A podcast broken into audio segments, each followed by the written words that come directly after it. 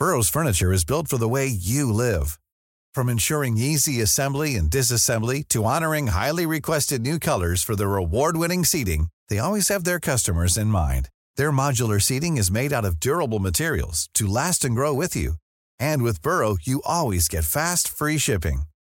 Get up to 60% off during Burrow's Memorial Day sale at burrow.com slash ACAST. That's burrow.com slash ACAST. burrow.com slash ACAST. There's never been a faster or easier way to start your weight loss journey than with PlushCare. PlushCare accepts most insurance plans and gives you online access to board-certified physicians who can prescribe FDA-approved weight loss medications like Wigovi and Zepbound for those who qualify. Take charge of your health and speak with a board-certified physician about a weight loss plan that's right for you. Get started today at plushcare.com slash weight loss. That's plushcare.com slash weight loss. plushcare.com slash weightloss. Dagens episode er sponsa av TrippelTex, det norske regnskapsprogrammet som har 90 000 kunder i Norge. Eh, og, det er det gode grunner til. Så eh, TrippelTex er utrolig enkelt. Alt handler om å ta en ting som egentlig ingen liker å forholde seg til, som er regnskap, og forenkle alle ledd.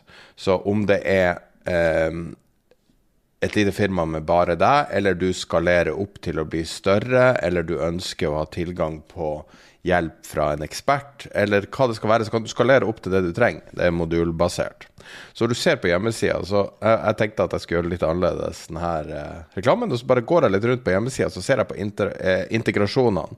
Vil si at du kan automatisere det opp mot systemer. Det er 334 forskjellige integrasjoner du kan gjøre i praksis alle systemer du allerede har, vil snakke med TrippelTex i dag. I hvert fall 300 eh, og et eller annet forskjellige systemer. Og, og, det er nettopp det. Det er modulbasert, det du trenger. Så når jeg er på sida nå, så gir det dem mulighet til å finne regnskapsfører, gir dem mulighet til å integrere med det eksisterende jeg har. Det er priser som du betaler for akkurat det du bruker, og prisene er noe helt annet enn det det regnskapsfører brukte å være, som, som alltid var en veldig dyr ting.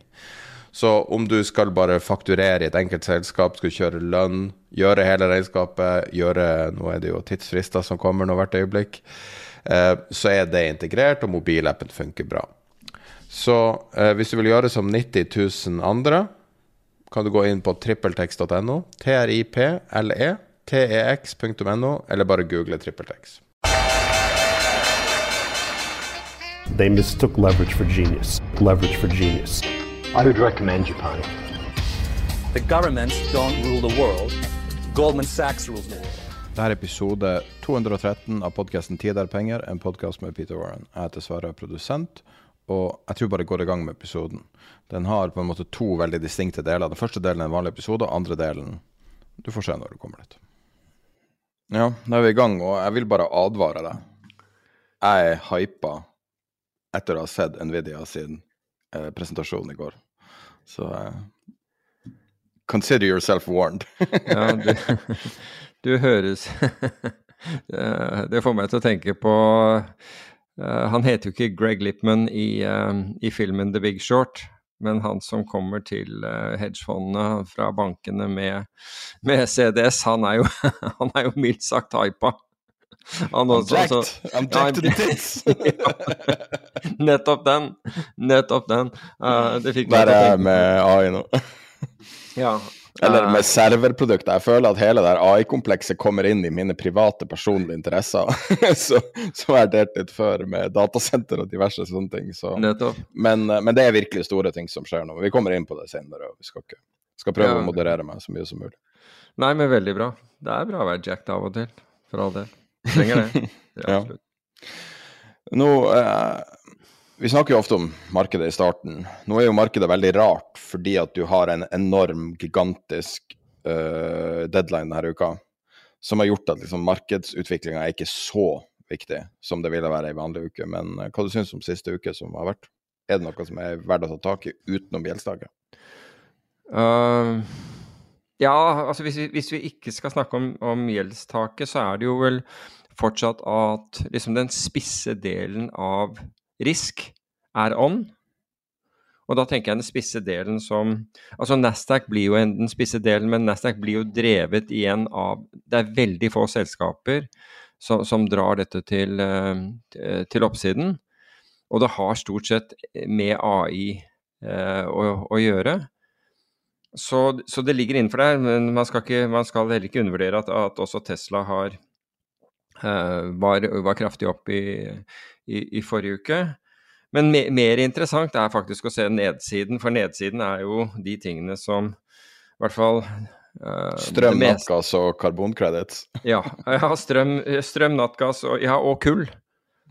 Ikke sant? Ja, ja, altså hele pakken? Ja, hele pakka som, som, er, kraftig, uh, som er kraftig ned. Og, i, tillegg, og i tillegg så falt bul bulkrater. Altså bulkrater og containerfrakt går to uh, går helt forskjellige veier for tiden. Og bulk var ned 11% altså representert med denne breakaway ETF-en var ned 11% i forrige uke og er nå ned 29% på, på året. Men uken før altså, Og en ting jeg glemte da i uken før der, altså, da hadde du altså Det er ganske sjelden at du ser renterøke og aksjerøke sam, samtidig. Uh, det var en min på 17 spurte meg om akkurat det. Å oh ja, akkurat. Og, og, selv om begge deler var relativt flatt i forrige uke, så har jo Yield-kurven, altså, uh, altså, den amerikanske rentekurven, forandret seg. altså Den er blitt mer negativ uh, mellom, mellom toåringen og tiåringen. Og det vil rett og slett si at de korte rentene har, uh, har, har steget ytterligere. Og det er rart. Altså, så Det ene er det er rart at liksom markedet bare rister av seg at kostnaden på penger er blitt, blitt høyere.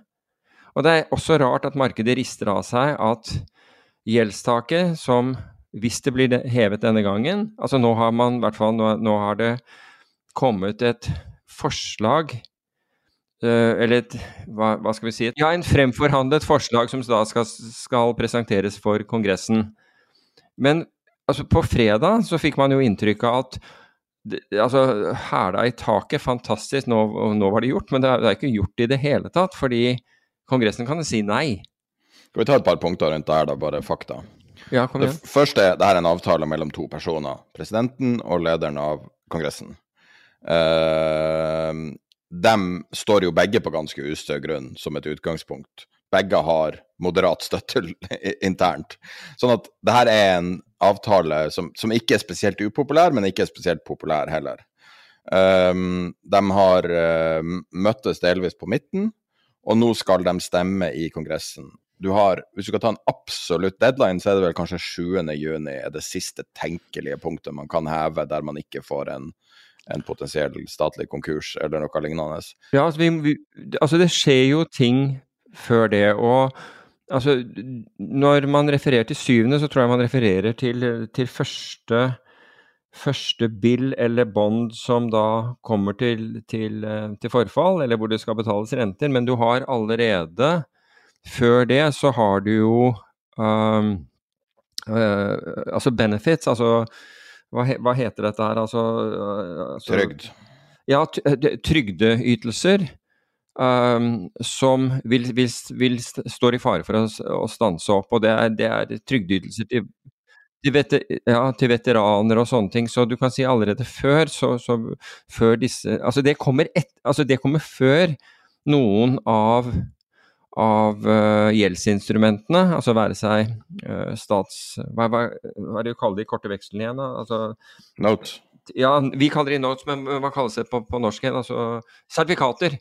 Altså stats, statssertifikater og, og, og, obligasjoner. Før noen av dette forfaller, så, så, så, går man tom for penger når det gjelder, når det gjelder som du uttrykte, trygdeutbetalinger.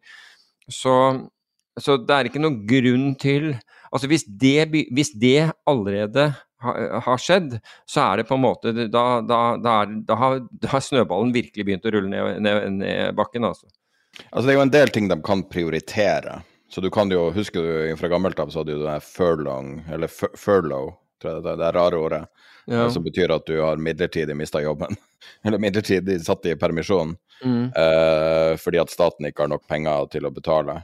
Eh, så det kan de gjøre uten at det utløser en, eh, en credit event.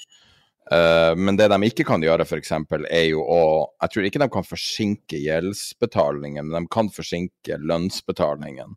Men alle de her tingene er jo virkelig å pisse i buksa. De, de, kan faktisk forsinke gjelds, uh, og det er et uh, Nå står det stille for meg um, hvor mange dager det er. Det er faktisk noen dager du har en grace period der, før du erklærer default. Så det er ikke default på første dagen, bare så det er sagt. Uh, og den, den, er ganske kort. Om det er ti dager Nå husker jeg ikke tallet, jeg burde ha, ha, ha hatt det fremme, men, men, i hvert fall du har en grace period fra det øyeblikket du ikke betaler, bare, bare så det er sagt. Men det som jeg syns er underlig med det hele, altså du har aksjemarkedet som er syltynt, altså i bredde, og, det, og med bredde så mener vi antall aksjer som faktisk drar markedet til, eh, til oppsiden eller holder det oppe, er syltynt. Det er noe av det tynneste vi har sett, og det er da Nvidia, som vi helt sikkert kommer inn på senere, er blant disse som, eh, som holder markedet oppe. Men det jeg syns er merkelig, det er greit at det er er ikke dette 79. gangen man eventuelt skal heve, heve gjeldstaket? Jeg lurer på om det er noe sånt nå. Men poenget mitt er at ok, du har sett det skje hvis du har sett det skje 77 eller 78 ganger tidligere, så tenker jeg ja, det, det, det, ingen fare. Og, jo, og, det er jo egentlig det aksjemarkedet uttrykker, ikke nødvendigvis gjennom at Nvidia og, og disse selskapene går, men på lack of protection. Altså, du ser ikke aggressiv kjøp av sikringsinstrumenter annet enn i CDS. Og det er jo et marked for, for, for spesielt interesserte og, og, velbeslåtte, for å si det på den måten. Ikke velbeslåtte privatpersoner, fordi du, du må være en institusjon. Um, og selv om det er stengt i markedet, det meste, altså det er jo helligdag i USA i dag, ja, men du har eh, fortsatt så handler ja, og CDS-er er uendra siden fredag. Så på tross av den der muntlige avtalen mellom uh, de to uh, nasjonale lederne, si, så to politiske lederne, så, så anser de proffe aktørene at dette er ikke en done deal. Nei, det er jo klart det er usikkerhet der, men, men jeg, jeg syns det er helt merkelig. Altså, det, dette er den luksusen du har hvis du, driver, hvis du er aksjefondsforvalter. For da er du alltid investert i aksjemarkedet. ikke sant? Du er 80-90% investert long aksjer uansett. Så du slipper egentlig å tenke på makrotype risiko og den type ting, for du kan bare vise til mandatet ditt, og det tillater deg ikke å, og å gjøre noen sikringsforretninger eller gjøre noe som helst. Men tenk deg, tenk deg hvis du har en pensjonskasse eller, eller en annen type investor med et friere mandat, og du ikke har tenkt på og du, du, har ikke brydd deg om å sikre, fordi dette har jo alltid gått bra til nå, og så skulle det feile. Da, da feiler du òg, for å si det på den måten. Men, men, men, i og med at det er så lite kjøp av det, så kommer man bare til å vise til ja, men den gjorde det heller ikke. Og så, og så forventer man at man blir, blir tilgitt. Men jeg syns det er helt eiendommelig eh, at at man som forvalter av andres penger ikke sant? Er, Vi snakker om tillit her. Ikke gjør, gjør grep i tilfelle I tilfelle dette skulle gå galt. Det syns jeg, jeg synes det er helt merkelig, og det, og det viser en tendens som jeg syns er farlig. fordi hvis de ikke gjør det i en sak som dette her, så kan det i hvert fall ikke altså det, det kan komme mer krevende ting enn dette, eh, og, og, raskere. Og da kan du Antageligvis vil ikke disse menneskene gjøre døyten for å, for å beskytte pengene dine da heller. Så, så jeg, er, jeg, blir faktisk det kan, altså det kan, være at jeg er skremt uten noen som helst grunn. Og nå tenker jeg ikke at grunnen er at man ikke Eller at, man, at, at det viser seg at man hever gjeldstaket, som, som er sannsynlig men sannsynligheten for at dette går galt, er ikke null. Og hvis du sier at den ikke er null, så kan du begynne, kan du begynne å spekulere og kanskje forsøke å beregne hva, er det, hva den sannsynligheten er. Ingen av oss klarer å gjøre det der med, med, med noen nøyaktighet. Men la oss si at du anså at sannsynligheten var, bare for å ta et tall, 5 da. Bare det skulle tilsi at du, at, du begynte, at du, gjorde noe med porteføljen for å beskytte den mot en sånn event. Men altså, det har gått bra for uh, altfor lenge, og dette har vi jo snakket om så mange ganger. altså Etter at man begynte med kua. Så det har gått bra i over ti år hvor du ikke, hadde, hvor du ikke behøvde å tenke risiko. Og hvor bare de absolutt dårligste ble tatt ut. Altså du har ikke naturlig seleksjon som du vanligvis har, både i, i si, samfunnet for øvrig og, og, som har brakt menneskeheten fremover. Du har ikke en naturlig seleksjon ved at de dumme ble løvemat, om, om du vil. Den har ikke vært der. Og dermed så er det ingen som tror at det er noe fare, og ingen som bryr seg. Og så tenker man ah, hvis jeg gjør det, så, så kanskje det koster porteføljen min uh, en halv prosent. Men liksom, tenk deg altså, konsekvensene hvis det går galt. Altså, vi snakket om uh, konveksitet forrige gang. Der kan du snakke om konveksitet. Altså, du risikerer f.eks. en halv prosent av porteføljen din i premie, men du er så grådig at du vil ha den der halv prosenten, så du vil ikke beskytte. Og så har du en enorm konveksitet, og du får en helt enorm konveksitet nettopp fordi det er ingen andre som faktisk gjør det du gjør. Og dermed så er konveksiteten billig. Under vanlige omstendigheter, altså når, når huset til noen har begynt å brenne, så skal jeg love deg at en brannforsikring er dyrt. Så, og her, ikke sant, her, her flyr det pyromaner løs i, i, i, nabolaget, og ingen bryr seg. Jeg tror folk har blitt litt sånn immun mot en advarsel, fordi at så stor del av finans er en sånn gigantisk gjettelek. Der folk driver og kommer med vilkårlige tips daglig, og, og, du har eh, sånne som Jim Kramer som gir 12 000 tips på TV, eller hva det var du, det tallet du, du fortalte en dag. Uh, altså, Det er jo ikke sånn finans funker, det er jo ikke en gjettelek. Kanskje en bitte liten promille er å finne liksom, vinnerne og alt sånn. Men det er jo å, å balansere risken, det er jo det som er hele mm. poenget. Det er jo ikke sånn at Tidligere Penger går ut og sier at gjeldstaket ikke blir heva. Men det er jo det at den eh, asymmetriske risikoen er så helt katastrofal hvis det ikke blir heva. At man kan ikke bare sette seg bak og si ja, ja, nå ordner det seg. Du må være på, på tåballene. Ja.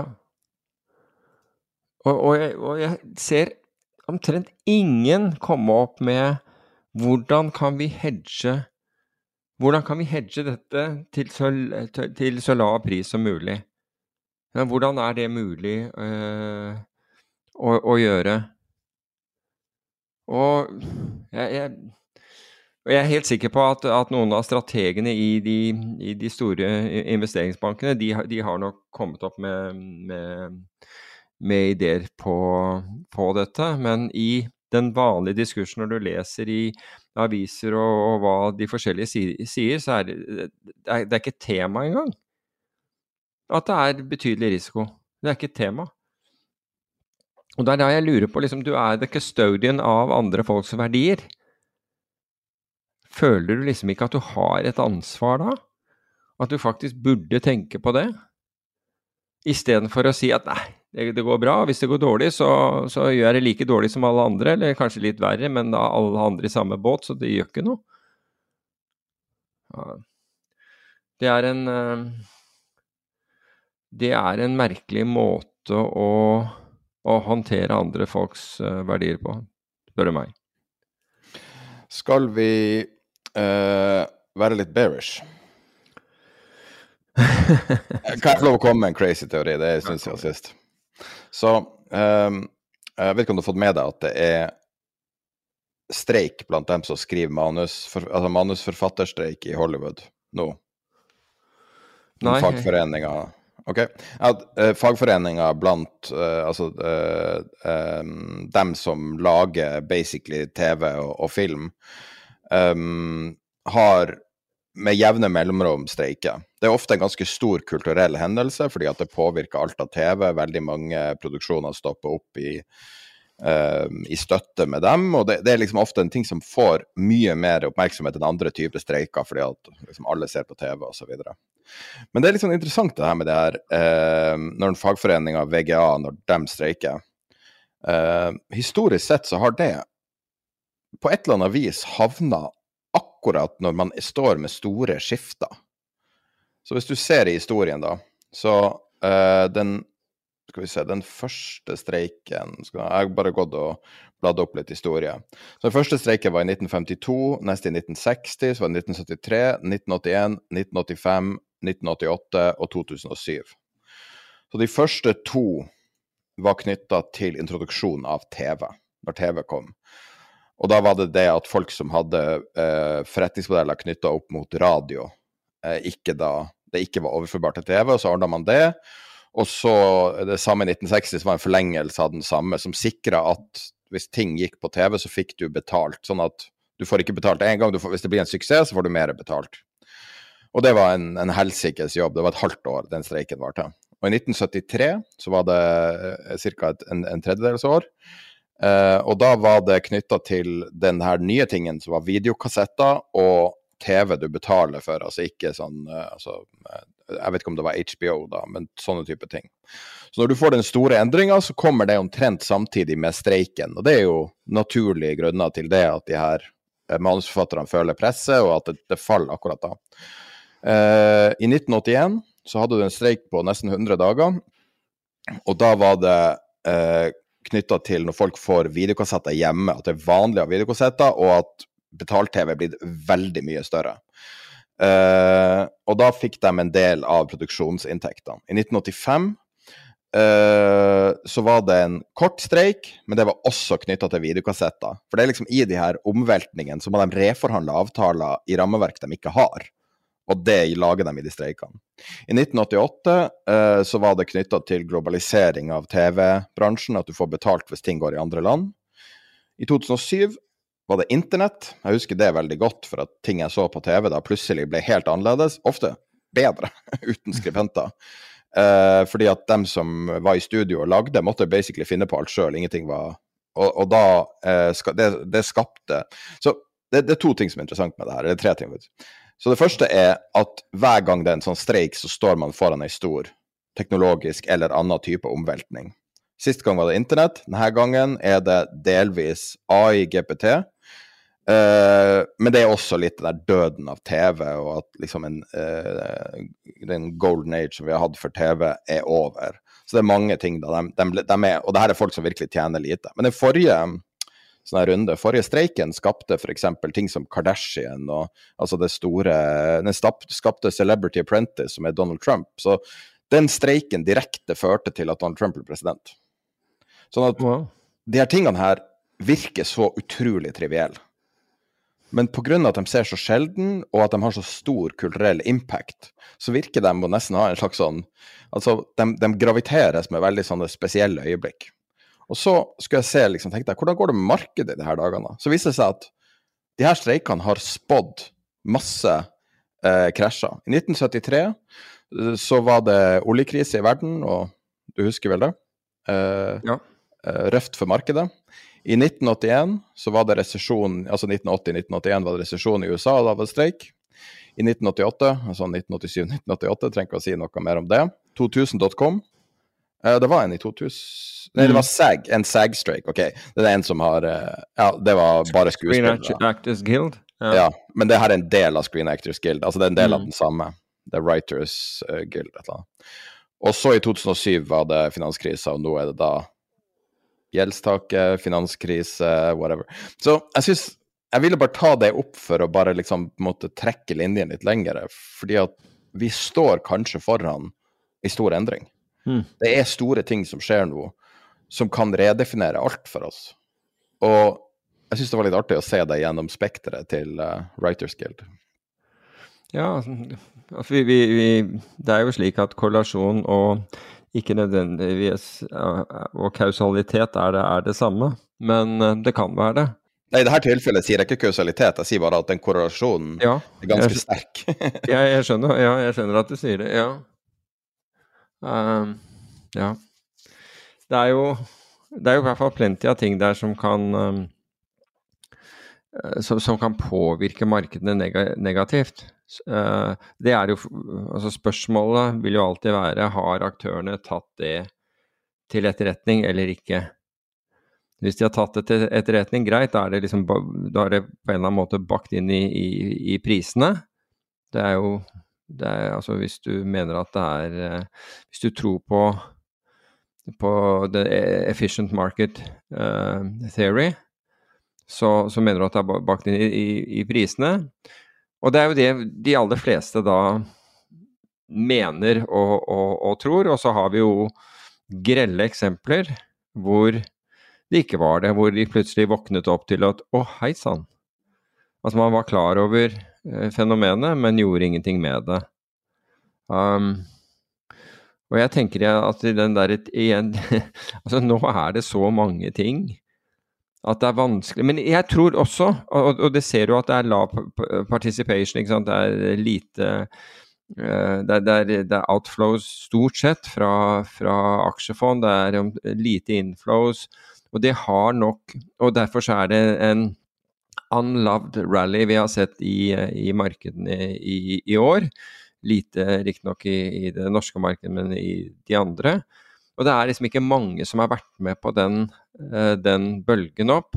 Så det kan kanskje forklare noe av det. Altså, det har rett og slett ikke vært mange som har, har pushet på, men, men folk har heller, ikke, har heller, ikke, solgt. Folk har ikke, har ikke solgt i, stor, i, stort monn. Altså det er outflows, ja, men det er ikke noe, noe katastrofale outflows. Man beskytter ikke seg mot, mot nedsiden, det vet vi også. Um, vi vet også at renter stiger. Inflasjonen er, er ja, Jeg tror den, den, er avtagende, og veldig mye tyder på det. Bl.a. det vi ser i råvaremarkedene indikerer i hvert fall sterkt for meg at uh, at inflasjonen er på, på, nedadgående. Den er jo fortsatt høy, for all del, uh, men, men, nedadgående.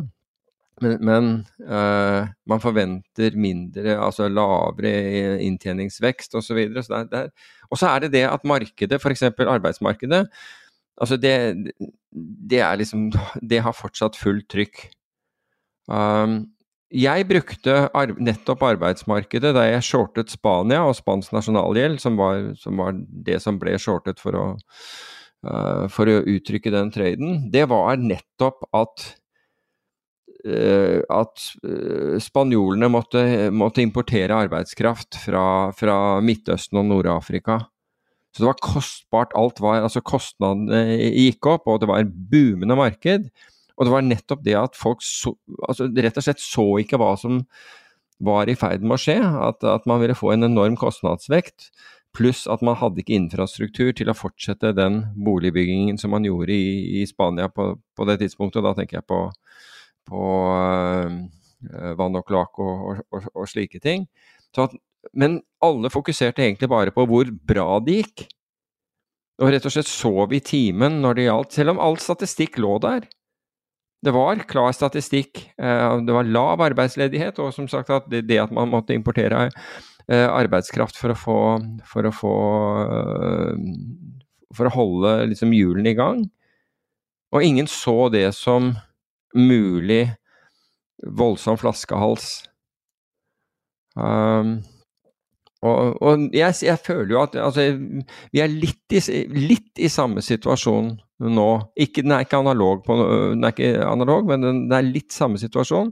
Folk ser ikke det og bryr seg ikke, vil ikke høre om, om at, uh, at, ting kan bli mer vanskelig. Derfor, men jeg tror samtidig så er det jo helt opplagt at siden ikke, du ikke har en større participation, hva heter det for noe? Altså en, de, altså at ikke folk deltar mer i markedene enn de gjør, så er det jo nettopp fordi man ser bekymringene, og så sier man la meg holde, holde tilbake litt grann her. Uh, for, fordi jeg, jeg, er urolig for f.eks. at den høye renten skal, uh, skal uh, spise opp ting for øvrig når det gjelder høy rente, der må, jeg, der må jeg få tømt meg et øyeblikk. Og det er eh, Tom Stovi, liker mannen, bare så det er sagt. Har ikke noe problem med han, men han representerer Finans Norge. Og det ble da i, på Dagsrevyen, jeg mener at det var i går, uh, går, hva ble det, søndag, uh, påpekt dette her at bankene tjente så voldsomt på økte rentemarginer det var hun som Det var hun. Han bare hører, hører, rentemarginer, så drar han av. Uh, men uh, Det er sånn Gunnar er på Bygdøy. ja, på basis da, Mer skal ikke til før hunden går i fistel. Det var bra timing, det der. Uh, men uh, at, at, at, at, bankene har økt rentemarginen. Og husk på, det er ikke det at renten har gått opp som gjør at bankene tjener mer penger. Det er at de øker rentemarginen, altså forskjellen mellom innskuddsrenten og utlånsrenten. For hvis den er konstant, så, skulle, så, så, så skjer ikke mye. Men når man da øker den, og så var, var, eh, var uh, spørsmålsstillingen den at liksom syns man ikke det der at, at bankene tjente så voldsomt at, at dette her ikke var uh, ja, ble antydet som, som umoralsk. Og da, og, og, og da, svarer Stovi på vegne av liksom Finans Norge at nei, tvert imot. altså Banken gjorde faktisk de gjorde faktisk eh, eh, en, en, nasjonal innsats. altså Det var nærmest gavmildhet fra, fra, bankene. fordi hvis bankene tok fra deg pengene på denne måten her, så ville kanskje ikke Norges Bank måtte sette opp renten så, så, så drastisk. Så hvis bankene tok pengene dine, og det vil si aksjonærene og betalte utbytte til aksjonærene og bonuser til, eh, til, til banktoppene, så, så slapp du kanskje og, og en renteøkning. Hvis jeg mister jobben, så er det en fordel, for da går jeg ned i vekt for jeg ikke råd til mat. Nettopp. ikke sant? Altså, ja, det er Altså, det var på det nivå. Uh, jeg tenkte, er det mulig? Er det mulig? Og, og altså, det er jo selvfølgelig det, er det han er ansatt for, er å finne en, um, finne en, en, en måte å avlede det spørsmålet på. Men, Men det er faktisk ikke få personer jeg vil gi the benefit of the doubt så mye som Tom Tove. Så jeg skjønner hva han, han, må gjøre det i en del av jobben. Jeg tror ikke han ville gjøre det. Nei, altså det, det, det kan, jeg liker han bare, bare så det er sagt. Jeg har ikke noe, noe imot Det er ikke så veldig mange som får sånn type eh, benefit of the doubt heller. Nei, ikke, i hvert fall ikke fra oss. Men at, han, men at liksom banken gjør samfunnet, samfunnet, en tjeneste ved å øke rentemarginen, ved, ved å ta pengene dine. Jeg mener, de aller fleste gir vel beng i egentlig. Eller de aller fleste vil vel foretrekke på en måte at, at uh, det ikke gikk til, uh, til, Det har vært hyggeligere at de, de pengene gikk til, tilbake igjen til samfunnet på en eller annen måte, enn at det går til bankbonuser og utbytter. Hva var det DN skrev? 50 milliarder i skattekutt i stedet for uh, I stedet for de vindmøllene, som nå kommer til å være noe helt annet enn det de blir forespilt å være. Har du sett Ja, altså volatiliteten i Altså den enorme vol volatiliteten, altså svingningene i kraftmarkedet, gjør det jo klin umulig for noen å budsjettere med noe som helst. Har man tenkt på det? Industrien? Helt galskap. Tenk deg hvem de største kundene deres Det er jo næringslivet også. Det er jo folk som må budsjettere langt fram i tid. Skjønner ikke at det går, altså. Hvordan man klarer å drive innenfor metaller, f.eks. De var ja, nettopp. Altså, på de mest kraftkrevende ja, al aluminiumsproduksjon. Ja. Hvordan er det mulig? Altså, du må jo bare bite the bullet og, og, og kjøpe lange kontrakter på, til blodpris for å få stabilitet det er bedre med den stabiliteten enn den vanvittige ustabiliteten i energimarkedet. Jeg tror det var Nicolai Tangen som innførte et begrep som, som han kalte grådighetsinflasjon. og Det var liksom hvor man økte prisene før det var nødvendig, ikke sant? når man bare tok for seg. Altså rett og slett øh, tenkte kun på, på, seg selv. Jeg vet ikke, har du, har du, slått opp i Jeg slo det opp i synonymordbok, har du gjort det? Nei, men er det en del av uh, Er det et ord i, som man bruker i forvaltning? Det høres ut som et ord man bruker i politikk. Ja, det vet jeg ikke. Ja, det, ja du sier noe. Jeg skulle gjerne hørt han snakke litt om forvaltning av oljefondet av og til, men det er nå bare meg. Men... Ja, jeg er enig i det, men, men, i hvert fall han bruker uttrykket grå, grådighetsinflasjon. Så hvis du slår opp i synonymordboken, så står det 'regjeringen Støre' kommer som synonym. Så det er interessant med han om det. I swear to God. Jesus. Skal vi gå til krona? Jeg vil ikke på krona. jo, egentlig så er vi vel på det, men eh, jeg må jo si at jeg ble en smule trigget, og for så vidt litt, litt over middels provosert, når eh, en rekke rekke bankøkonomer, eller jeg, jeg, tror de var økonomer, kan hende at det var strateger, men jeg tror det var økonomer, uttalt seg forskjellen på de to. ja, er det noen? Uh, uttalt seg om den, den, dramatiske svekkelsen av kronen, og konkluderer med da med at det er rentedifferansen som er, er, er, skylden i at kronen er så svak. Glem det at Norges Bank har, gjennom sine modeller har sagt at det er det ikke, fordi Norges Banks modeller tar, tar rentedifferansen i betraktning.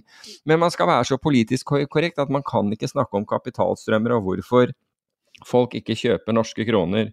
Men hvis du henger med bare den tingen at hvis du har lav rente, så faller valutaen din Sveits har lavere rente enn Norge, og sveitserfrangen har steget 15% mot norske kroner i år.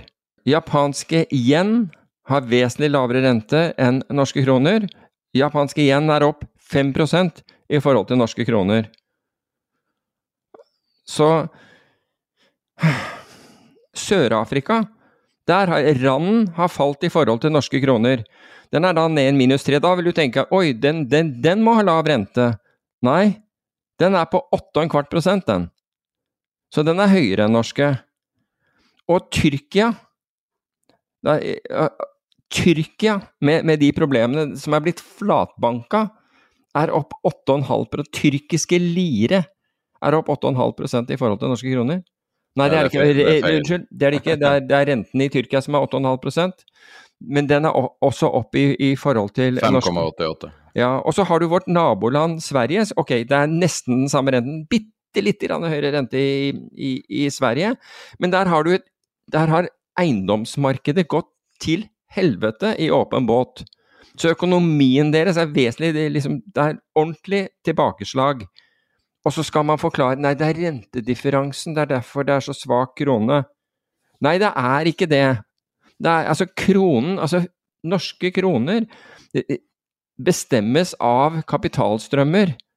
Om folk er interessert i å kjøpe kroner eller ikke. Det sitter ikke folk hele, hver eneste dag rundt omkring i, i Rio, Hongkong, Zürich eller andre. Hva er renten på norske kroner? Skal vi gå og kjøpe den i dag? Nei. Valutaen er alt norske kroner. Hva sier du? Ikke noe særlig trading av norske Nei, altså greien er at det er altfor liten valuta til at de gjør det. Av og til så vil du se at disse aktørene kjøper det. Men tenk deg hva, hvordan norske aksjer har falt i verdi i forhold til f.eks. For sveitserfranc og i forhold til dollar. Allikevel så er det ikke folk som kommer inn og kjøper disse, disse veksler til eh, norske kroner for å kjøpe disse aksjene. Noe som på, en, på et eller annet tidspunkt de, de burde gjøre. Eh, etter min oppfatning, men det er ikke det.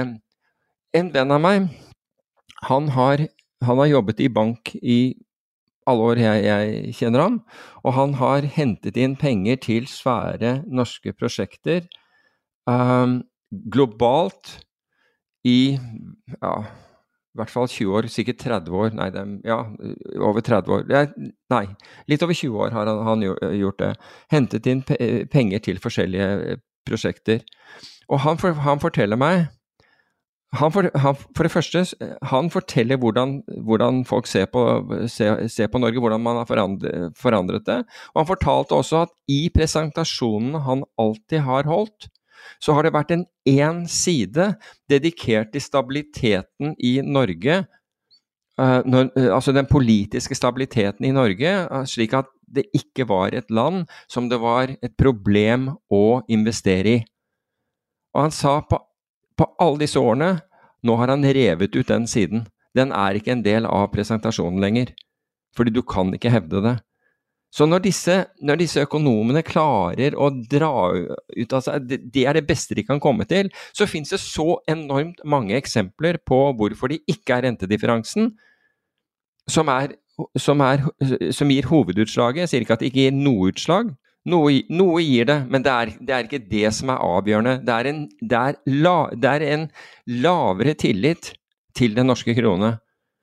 Og så skylder man på Norges Bank, og Norges Bank som selger kroner, eh, som, som, eh, som eh, kjøper utenlandsvaluta, selger kroner. Vi må huske på, som vi har tatt opp i to episoder nå, at de, de eh, kronene som Norges Bank selger, er kroner som er kjøpt av Allerede er kjøpt av ø, oljeselskapene som vi leier ut ø, andel av sokkelen til. Altså rett og slett de som betaler skatt. Og uten at de hadde vært kjøpt, så hadde ikke Norges Bank hatt noe, noe å selge. Så det der balanserer. Så glem det der å, å legge skylden på Norges Bank. Det er ikke der, jeg, det, er ikke der det, det, det, er ikke der skoen trykker. Hvis du tar hovedindeksen på Oslo Børs, og så bytter du basevaluta, så går en opptur på 2,23% så langt i år blir til en nedtur på 11 ja. Så hvis du sier at sveitserfrangen er en relativ eh, pari på, på, på, relativ verdi. Si at ingen valuta holder verdien så godt som sveitserfranc, hvis det er din antakelse. Uh, at det er det nærmeste du kommer uh, en absolutt verdsettelse av verdi, så er Oslo-børsen 11% i år. Ja. Fantastisk. Så det er det vi har. Å begynne å bortforklare dette her, fordi du skal være så politisk eh, korrekt når du er bank, Altså, det er bedre å holde kjeft, syns jeg. Men meg om det. Eh, hva hvis noe skjer? Hva hvis vi får en covid-2? Hva hvis vi får en finanskrise? Hva hvis noe skjer fra dette nivået med krona? Um, vil krona stå i 20, altså 20 kroner per dollar?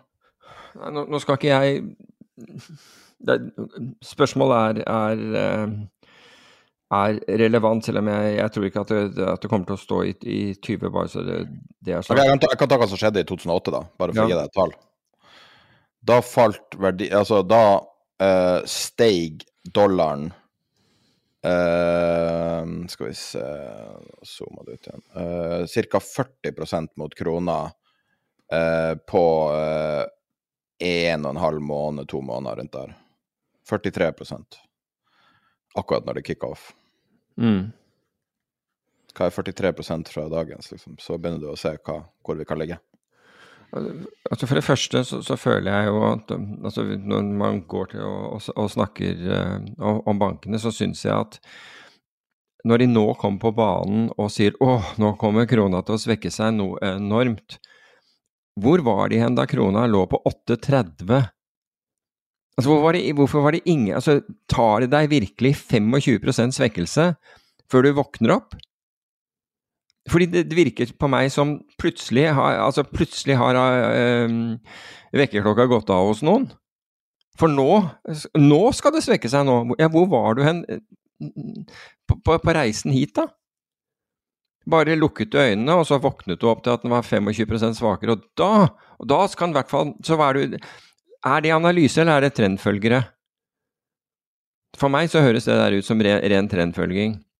Men til det, der, til det, du sier Altså Dollaren har, er jo en Har jo blitt, og er jo en tilfluktsvaluta. Nå forsøker jo Russland og Kina, og da kan du sikkert hive inn Iran og Nord-Korea og Kasakhstan og og en del andre, å gjøre slik at dollaren ikke har den dominansen den i dag har. For den, den, er den dominerende valutaen i verden når det gjelder betaling, når det gjelder lån. Vi, vi baserer eh, alle mulige renter på, eh, på dollarrenter osv. Så, videre. så Og det er klart at det passer dårlig eh, for, de, for, disse landene, fordi da har man mindre, eller da i hvert fall Vesten mindre sanksjonsmuligheter. Så jeg kan forstå at disse landene er interessert i å, å svekke troverdigheten til, eh, til, til, dollaren. Og du ville forbause meg om det vi har rundt gjeldstaket nå, at ikke, at det ikke pågår påvirkningsoperasjoner for å for, og, det er også en del av den tankegangen jeg har i forhold til risiko og gjeldstaket.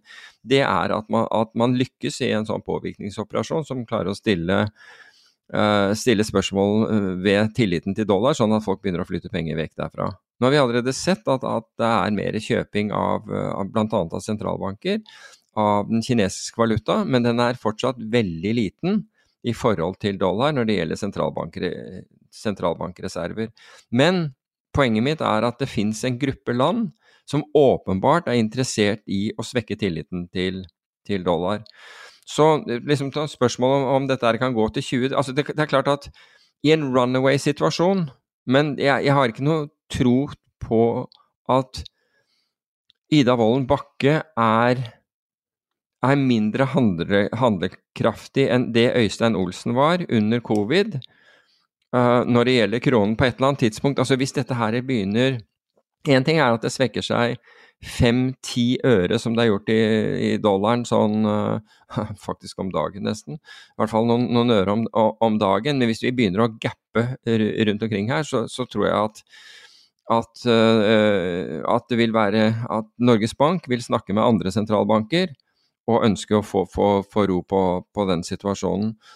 Så jeg, jeg, jeg, jeg klarer på en måte ikke å når jeg hører de Bearish-scenarioene som, som, mange nå, først nå da Vekkerklokka gikk akkurat da, og uh, begynner å komme, så, så, gir det meg liten tillit til de institusjonene, punkt én. Og punkt to er at liksom når, når, vi er i en sånn situasjon, så ofte, skal man ofte lete, lete etter muligheter og, og, og, gå den andre veien. Jeg har, jeg har selv tatt av noe av uh, noe dollarrisk, det ble gjort i forrige uke. Uh, rett og slett fordi jeg syns at, at, at, kronen er så svak som den er. Men det altså jeg er sikker på Det er sikkert fullt mulig for denne regjeringen å, å, å, å få det til å bli enda verre. Hva, hva, vet jeg. Men vi trenger på en måte For at man skal forstå den situasjonen, så må man erkjenne hva som har brakt oss hit, og det er tydelig at det er, ikke, det er man ikke omforent om. Og jeg vil tro at, at, at regjeringen ikke er interessert i å ta noe som helst av skylden for at, at krona svekker seg, eller at folk flytter ut av landet. Som betyr kapitalstrøm ut av Norge. Når vi først er inne på politikk, og du først har så må vi snakke om brevet. Om? Brevet. Enlighten me. Støre sitt brev. Hvilken, hvilken, hvilken er det du refererer til nå? Ok.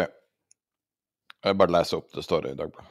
Støre i brev til EU lover bort strømmen. Kjære den, Ursula, skrev statsminister Jonas Gahr Støre EU, til EU-presidenten og lovet at store deler av havvind Norge nå skal bygge, vil være tilgjengelig for eksport. Ehm, det er visst i et hånds... Ja, altså, det er håndskrevet eh, deler av brevet, men det er liksom et, et printa ut personlig brev. Som basically legger seg totalt flat for EU, og viser hvor uh, front of minden hans er. Og det er i Europa, ikke i Norge. Norway is doing it, uh, its utmost to ensure Europe's energy security in this dire situation. Ja, det føler jeg, det føler jeg virkelig at, at uh, Norge har gjort. Men i og med at altså, gassen er, en, er utrolig mye viktigere enn strømmen. I det, i, i, i det, behovet Ja, Men det er ikke det som er poenget med at jeg tar det opp nå. Poenget er jo at det er Norges statsminister som ah, ja. uh, basically snakker mot nordmenn sine interesser. Ja. Altså På en måte så føles det som landsforræderi der. Altså det her er noe av det mest ekstreme jeg har sett. Nei, jeg syns også det, det var ekstremt. Og, og det her er jo helt gjennomsiktig, at det her er snakk om en framtidig jobb i Europa. At det er det som egentlig det handler om. Men hvorfor, hvorfor blir ikke dette da, da, debattert? Altså Da jeg så det, at du påpekte og jeg så det, og jeg beklager at uh, jeg var ikke klar over at det var det brevet uh, du refererte til, for jeg trodde kanskje at, at, det var kommet noe nytt nå. Um, Men er det ingen grense for hvor langt de kan gå? Tydeligvis ikke. Fordi altså, du ville jo tro at alle ville reise seg opp på, på den. Altså, all, du ville tro at alle andre altså, opposisjonen ville gå i harnisk over noe sånt noe. Jeg har ikke sett det heller, jeg. Ja, det blir en hyggelig jobb i et eller annet sted i Europa, da. Men kan, kan, ikke vi bare hoppe over alle de her og så bare finne en jobb til han i Europa? Og så kan vi gå tilbake til noe normalisering? Men jeg forsto også det der at, man, at han ble bedt om å kommentere dette, her, så ville, så ville man ikke gjøre det. Og det er vel enda merkeligere, egentlig. Altså, det Én ting er at du, du, mener noe, men det andre er vel at du står vel for det du mener og kan forklare det. Men jeg begynner å skjønne hvorfor de vil ha så mye mer hemmelighold nå. Jeg regner med at sånne her type brev ikke vil være offentlig i framtida. Er ikke det nye regler de vil ha for hemmelighold? Fordi at nasjonens sikkerhet eller et eller annet sånn bullshit-argument. For å se et sånt her brev for meg er, er så opprørende som nordmann at mm. Og det er ikke noe partipolitisk i det. Drit i vi, vi, er jo ikke politisk, partipolitisk interessert, egentlig. Det her er jo snakk om sunn fornuft. Og det her er lite sunn fornuft i det her bak å skrive et sånt brev. Men jeg, jeg, tenkte på det i dag. altså Når du, når du ser opp, oppslutningen bare falle og falle og falle og Det er jo hva dine egne mener om, om jobben du gjør. Og så korrigerer du ikke. Altså det er Petreus, som, som, da var på andre siden, han, han, han, fortalte at han Du hadde en kurs, du fikk inn ny informasjon, justerte, fikk inn ny informasjon, justerte, om nødvendig, osv. Og, og her, det, her får du inn ny informasjon, nemlig at du faller som en stein på meningsmålingene. Beholder kursen. Og blir motsagt av sin egen statssekretær, som sier at det er ikke at majoriteten skal gå, men en noe av produksjonen. Mm. Sånn at det her virker jo å være et sololøp. Og da er det jo enda mer Når du søker jobb, så gjør du det alene, ikke sant. Du gjør ikke det sammen med eh, hele regjeringa. Nei, det gjør du ikke. Nei, det er um... Men det er, det er, jo rett og slett Nei, men altså, jeg tenkte, jeg tenkte på det. Jeg, det, gikk, det, gikk, gjennom hodet mitt i, rett før, før, du sa det nå, liksom bo, bo politisk. Men, men det er ikke Altså, det er jo fordi det griper så enormt inn i økonomien.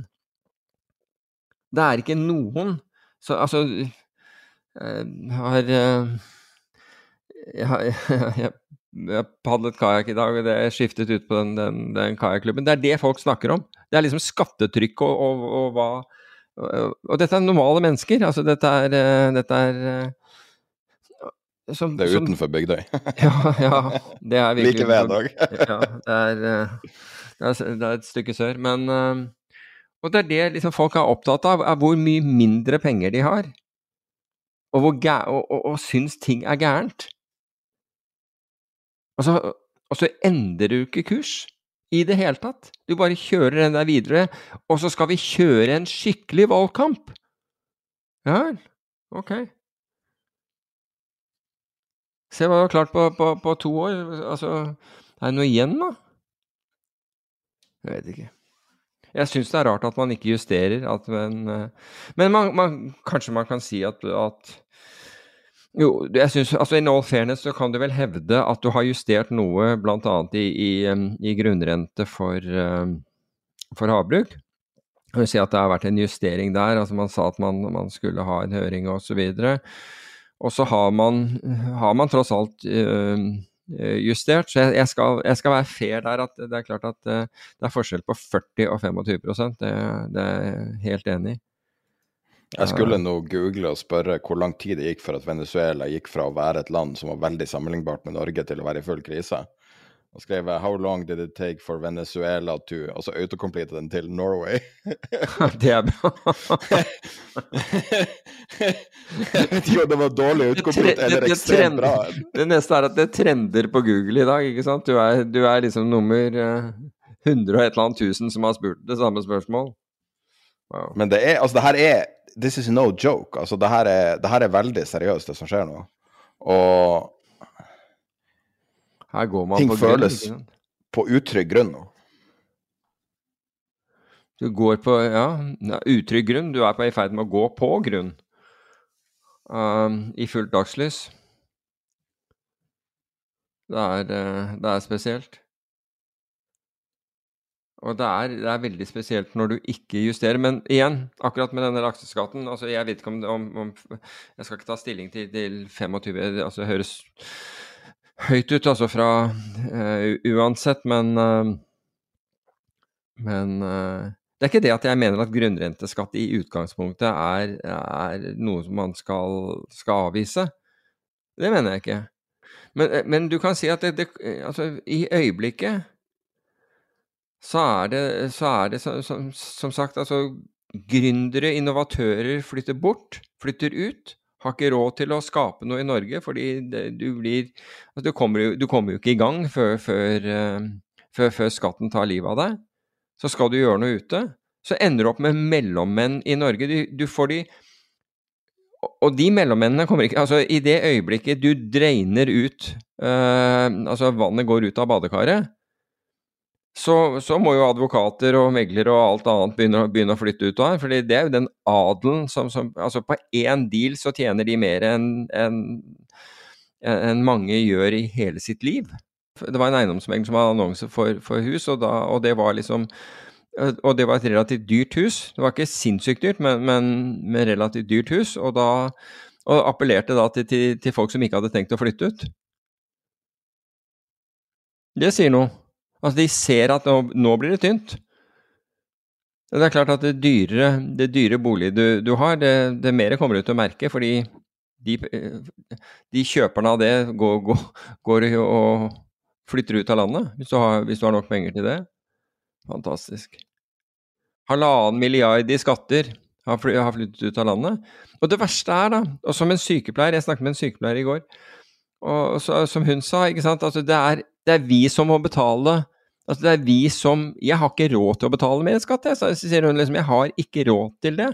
Hvis det huset som hun og mannen og de to barna bor i hvis, det, altså hvis, hvis hun må Hun er akkurat, slik jeg forsto det, under den, den grensen hvis, eh, for eiendomsskatt. Men hvis hun måtte betale på det, da, da er det slutt. Da, de har ikke de pengene. Det fins ikke de pengene. Alt går til å leve. Og når eh, da rikingene, som hun øh, kalte det, flytter ut, så må jeg betale mer, som hun sa. Da, da ender jeg opp med å må, måtte betale mer for at dette her skal gå rundt. Hvor smart er det, da? Ja?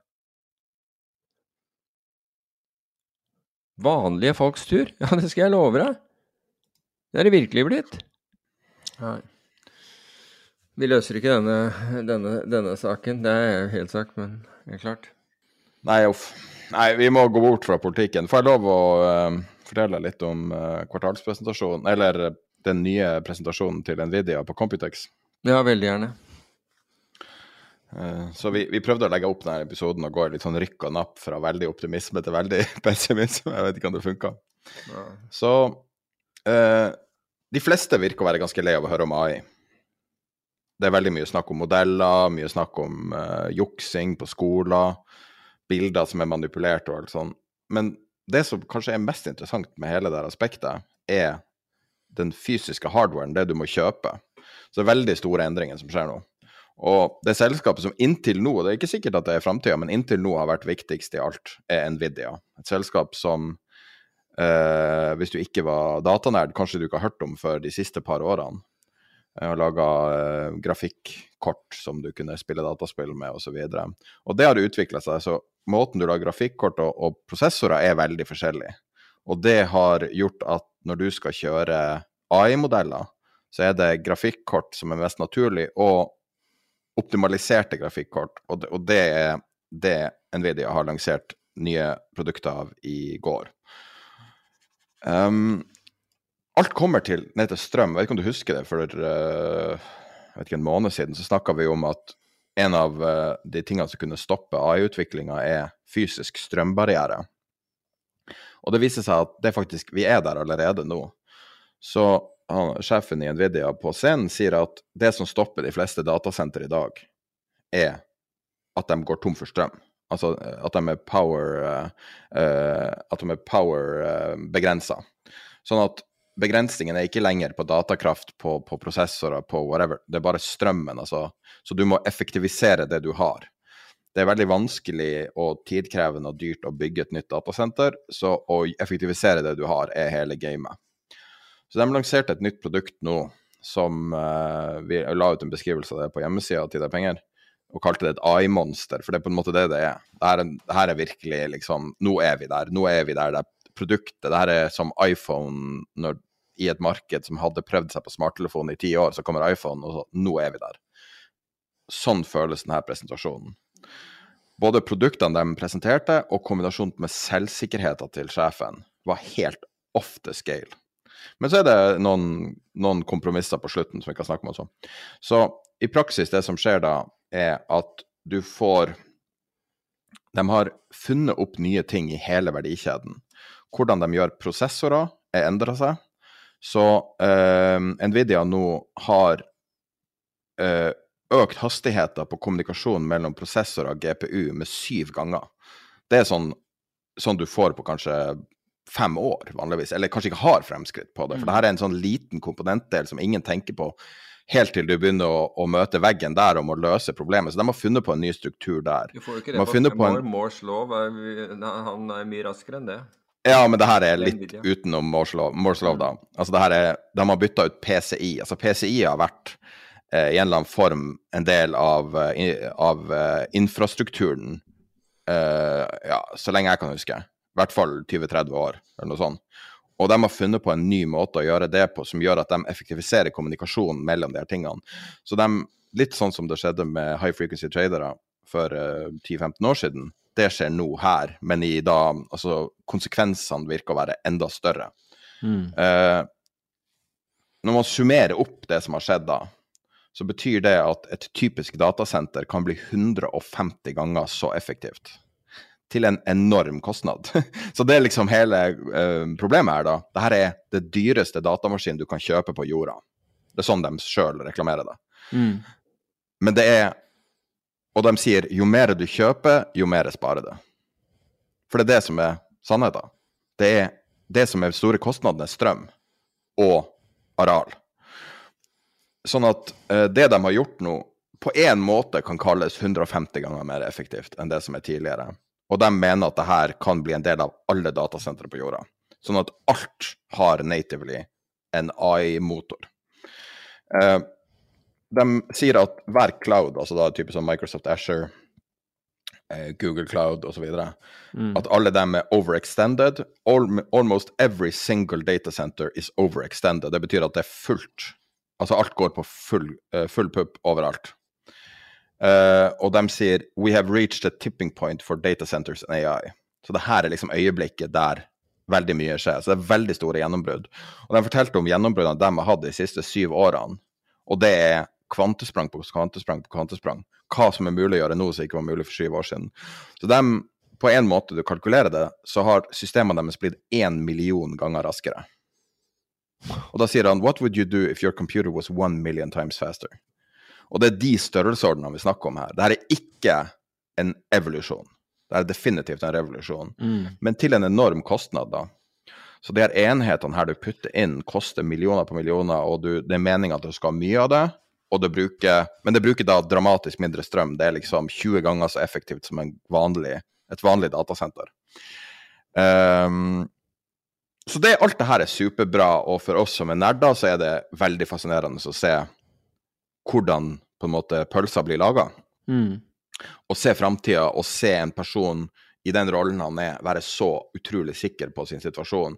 Da får du litt sånn sikkerhet på, på at det her kommer til å være noe spesielt. Personlig så minte det her veldig om Steve Jobs når han lanserte iPhone. Den type Altså, det, det er så komplett, det de har nå. Og vi skjønner konteksten av det. Vi skjønner hvorfor det her er viktig. De har lansert mange sånne her tidligere, men ingen brydde seg, fordi folk skjønte ikke det. Men nå skjønner vi det, for pga. ChatGPT. ikke sant? Mm. Uh, det er et ganske stort kompromiss der. Mens vi tok opp episoden, så snakka jeg med en uh, kar som jobber i et firma som er en typisk kjøper av det her, da. Og spurte hva han syntes om det. Og alt sånn, han var veldig imponerende, men han tror kanskje at uh, For alle de her driver og utvikler sine egne systemer i tillegg. Og han tror kanskje at, at det vil være prioriteringa for alle. Og da har på en måte ikke Nvidia noen kunder til de her fantastiske produktene. Jeg tror sannheten ligger litt mellom de to ytterpunktene. Men um, Og, og, og er, nå, nå, har jeg ingen mening om Nvidia og hvordan det er priser. Jeg har ingen eierskap i Nvidia, har aldri hatt det. Eh, kun interesse av det fra et teknologisk ståsted, og for å prøve å forstå AI, ChatGPT, alle de tingene der. Um, men vi kan stå foran en inflection point der alt forandrer seg. Men det kan jo være at det stopper også, fordi at pga. nettopp at vi er power limited. ikke sant? Vi er på maks strømnivået. Mm. Har vi rett og slett nok strøm til det her? Ja, altså jeg, jeg, tror jo at vi Altså at det du refererer til nå, kan være en nytt infl inflection point. Uh, jeg tror allerede at vi har passert ett, altså da med bl.a. Uh, chat-GPT, og jeg tror at mange oppfatter det, som vi har vært inne på tidligere, som ubehagelig, fordi de forstår det ikke, og så forsøker man å å distansere seg fra og ikke vil ha noe med det å gjøre. Men stadig så opplever jeg noen som da har prøvd dette her, og, og, og altså det, er flere, altså det er flere som prøver det, det, det flere blir hooked. Det er jo som heroin, dette her tydeligvis, eller noe sånt noe. Men på, på, en, på, en, god måte, fordi du forstår du, hvor mye mer du kan få ut av det. Men samtidig så dukker det jo opp en, en sårbarhet. Fordi man forstår raskt at mange jobber kan uh, rett og slett bli borte som følge av teknologien. Og da vil det være uh, et behov for, for endring. Og han uh, Under den Oslo Business Forum i fjor, så var jo han å, har tre navn, Harari til, til, til, til etternavn, han som har skrevet 'Sapiens' og Homo Deus osv. Jeg tror det var han som snakket om at i fremtiden, og dette var chat-GPT var jo ikke ute på, på det tidspunktet, uh, i fremtiden så vil vi alle ha flere utdann utdannelser, gjøre flere utdannelser. Det vil ikke være én utdannelse og så én jobb du har da sant, for, for fremtiden, fordi verden vil forandre seg, og behovet er at vi tilpasser oss, altså som, som Darwin sa, egentlig, at, vi, at, det er den som har evnen til å tilpasse seg. Og jeg tror jo raskere vi forstår at vi må opprettholde den evnen til å tilpasse oss Vi har hatt det veldig bra i en lang, lang periode hvor det var ganske sånn stabilt på veldig mange områder. Ikke altså øh, lord Haig, som vi refererte til på, på NBIM-konferansen osv., som, som snakket om, om, endringer, og at det var syklisk. Eh, også syklisk sett eh, og historisk så, så ville, eh, var, var, det tid for verden å endre seg. Um, så, så, tror jeg at, at, vi har hatt en sånn Altså den The infliction point har allerede passert oss.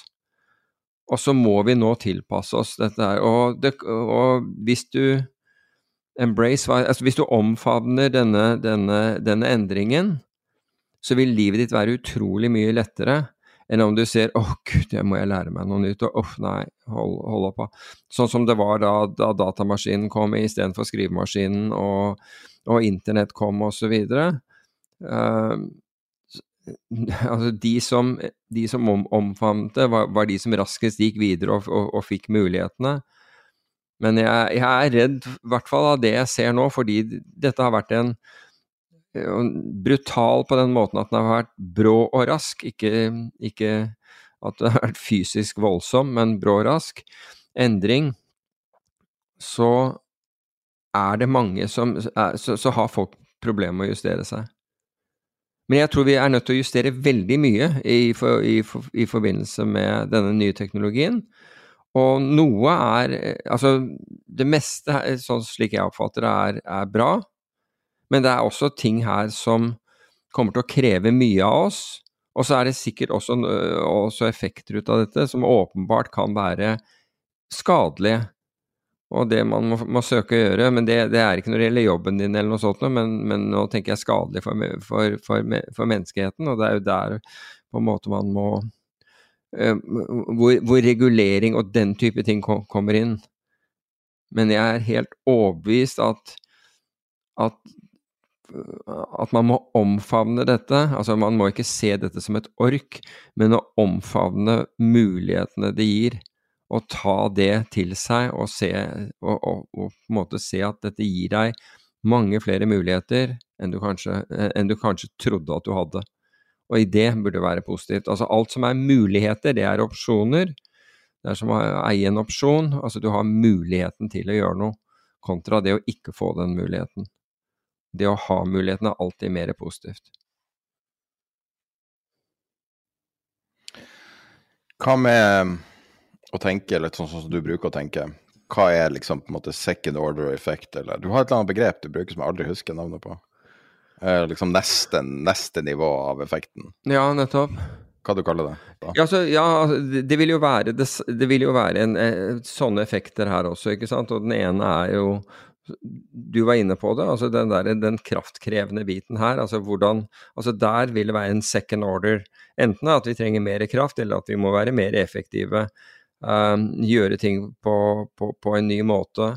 Jeg tror en annen second order-effekt um, Du innledet med at, at uh, Uh, ved, å, nevne noe, noe, i forbindelse med eksamener og alt mulig sånn at det ødela for eksamener, eller noen har kalt det juks og alt mulig sånn. Men kan være, kan, det er ikke det jeg tar stilling til, men jeg tror en second order-effekt her, det er at nå vil ting være så til, eh, tilgjengelig for deg at du kommer ikke til Altså at du ikke lærer.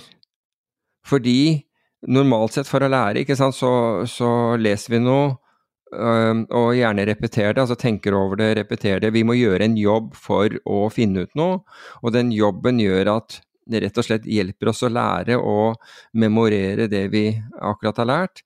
Det er veldig lite eh, memorering i en spørsmålsstilling til, en, til, et dataprogram. Du får svar tilbake, copy-paster det inn i et eller annet, og så har du levert oppgaven din. To uker senere, kanskje mye raskere enn det, så husker du ikke hva du svarte engang.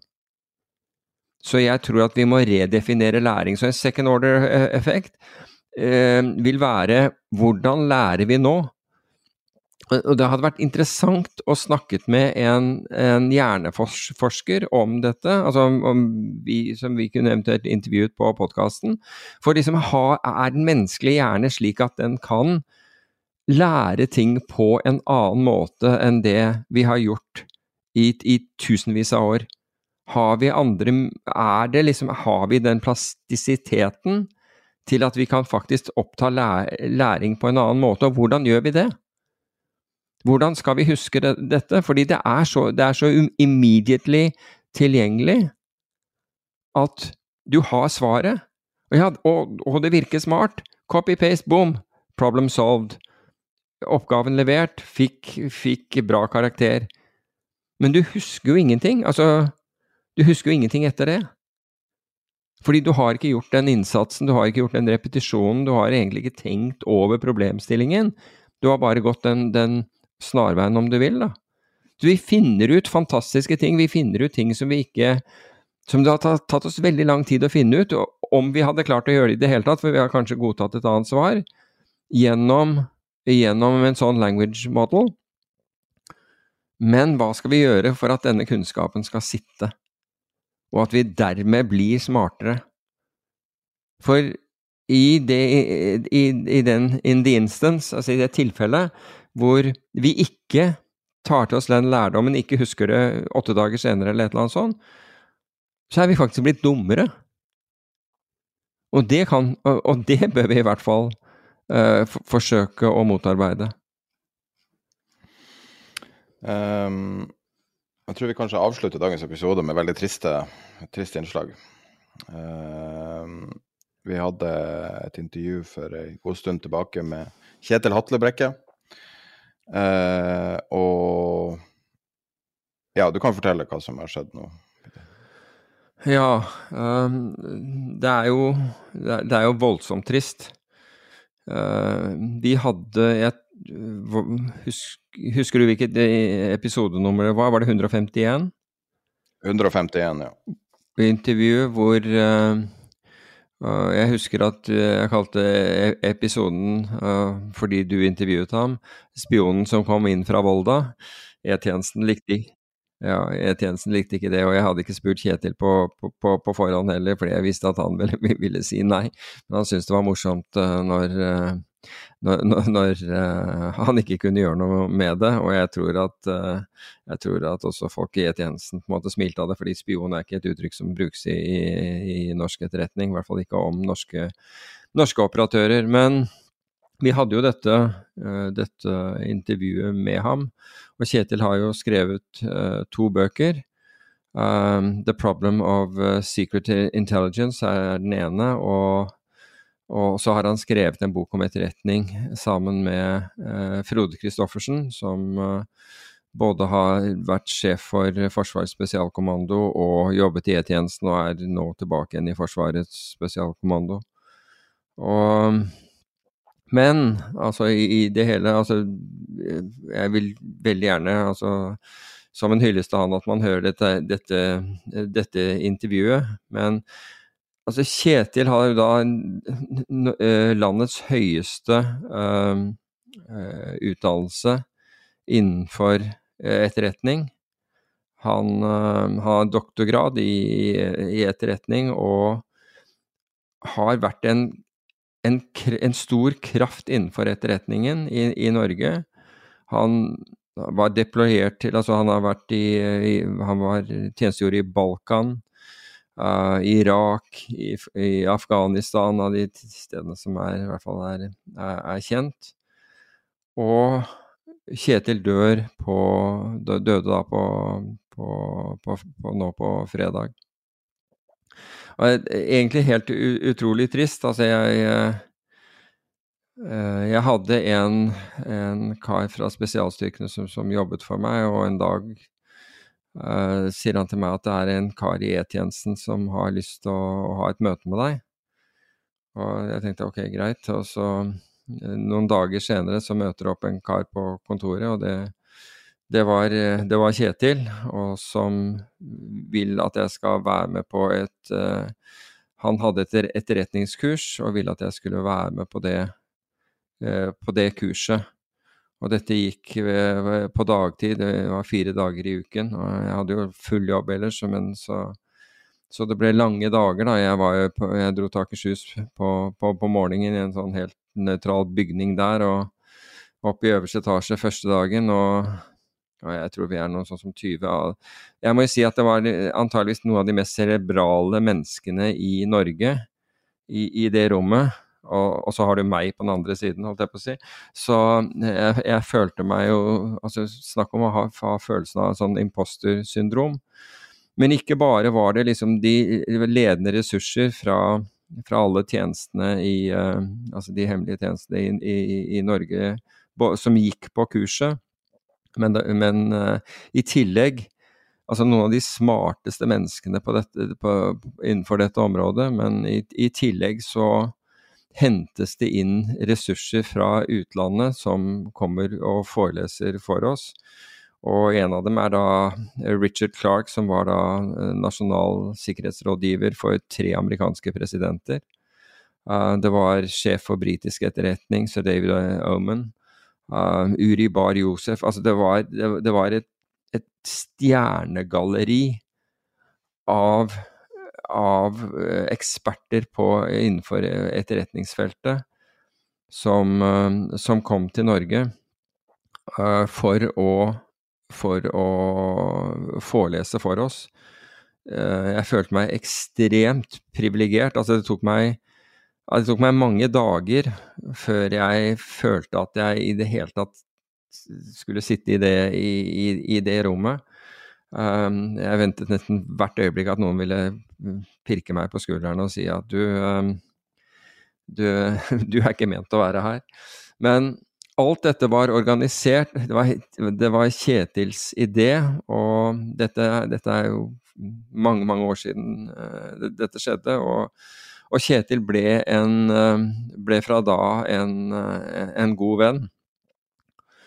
Og det var takket være dette at jeg, at jeg da tok eh, operativ psykologi i Bergen osv. Men hele tiden så har, har på en måte jeg hatt kontakt med Kjetil veldig mye fordi han var flink til å, å ha kontakt med, med mennesker. Jeg er, ikke, jeg er, ikke, så god på, på, det selv, men jeg satte alltid pris på det. Og han hadde et intellekt som var helt uh, helt, helt eh, vanvittig. Og, men samtidig en morsom eh, fyr å, å, å, tilbringe tid sammen med. Han kunne være rølpete og, og, og, gæren eh, samtidig. Og jeg må jo si at det er jo også Altså under, under, denne, under, denne, tiden altså Jeg husker at jeg tilbrakte noen dager en jul med han på Ullevål sykehus fordi han hadde han hadde et hjerte som plutselig ville galoppere med en pulstakt på 200-400, det var helt vanvittig. men så fikk han omsider satt inn en, en pacemaker som, som hjalp ham med det. Men han gikk altså han fortsatte ufortrøden til dette. Han fikk jo etterretningens fortjenestemedalje, som jeg, jeg, tror første gang noensinne har blitt gitt åpent. Altså hvor man uh, blitt uh, hvor, hvor, det har blitt offentliggjort hvem som har, har fått den. Han hadde audiens hos kong Harald. Og jeg var sammen med han da han ble tatt opp Eh, i eh, Norsk Anchorage Club i fjor høst, hvor, eh, hvor kongen også var til stede, og, og jeg fikk, fikk, møte ham selv. Um, alt dette mens han mens han, altså han går fra å ha, et hjerteproblem hvor han får en pacemaker, og deretter så ordner det seg, og så blir han Så får han en, eh, en kreftdiagnose, og forsøkte å hjelpe så godt man, man kunne eh, med den. Og han hadde et si, folk som støttet opp om han, Eh, både altså fra spesialstyrkene, spesielt fra Marinejegerkommandoen. Folk tok seg av ham på alle måter. Um, men altså ironisk nok, jeg holdt på Altså, jeg snakket, jeg snakket sist med på, på, på, Han døde på fredag, jeg snakket med han noen timer før på, på fredag, men jeg snakket med han på torsdag eh, kveld også. Og og det slo meg altså liksom at jeg, jeg holdt på, å sende han den beskjeden, for jeg vet han ville, han ville ha sett på det med humor, at, liksom at, at han også skulle dra til Sveits. Men jeg vet at han, han ville jeg, jeg, var sånn der, skal jeg tekste han det etterpå? Uh, jeg var liksom på, på, nippet. Men altså, Kjetil dro ikke til Sveits for for å for å unngå skatt. Men han dro til Sveits fordi han følte seg sviktet av helsevesenet. Og um, bare for å ta det, Altså, det, det skjedde Altså, han hadde jo operasjoner, for han, han fikk jo da kreft i, i tarmen, og så var man redd for at dette skulle spre seg til lungene. Og han fikk han inn i et, i et forsøk, så han fikk jo strålebehandling osv. Men jeg husker han, han, blitt, han var nyoperert, var på, da på Radiumhospitalet. Og hvor han skulle være i et antall dager. og så Plutselig en dag så kommer en lege inn og sier nei, du blir utskrevet i dag. Og da må han reise ut og komme hjem, og umiddelbart stiger fe feberen. Det viser seg at han hadde lungebetennelse. Og da er sykehusene så interessert i å få, få deg ut, at så få liggedøgn som mulig og da må han hastekjøres tilbake igjen. Og en lignende tilfelle var, var, da han senere var på, var på, Rikshospitalet. Og da besøkte jeg han, og, var, og da, apropos da, da, jeg var der, så var Frode Christoffersen uh, var der, og, og Christian A. Tror ikke jeg skal si jeg vet ikke om han setter pris på å komme i lyset, men vi, vi skulle gjerne ha intervjuet han for øvrig på på, på, på, på podkasten, for han har en ganske, ganske, interessant bakgrunn og ting å fortelle. Men da har han fått beskjed om at han skal få være der i, i fem dager av, av lege, og når den legen går av vakt, neste morgen kommer en ny lege. Nei, du skal ut på dagen. Og han er dårlig. Og, så han følte seg til de grader sviktet av helsevesenet. Han skulle delta i Vi fikk han inn i noe som het Excalibur-studien. Og hvor, hvor man uh, opererer inn en pumpe som man da skal få behandling gjennom. Eller det er i hvert fall intensjonen. Og på dette tidspunktet så Kjetil har, uh, har møter med, med legen osv.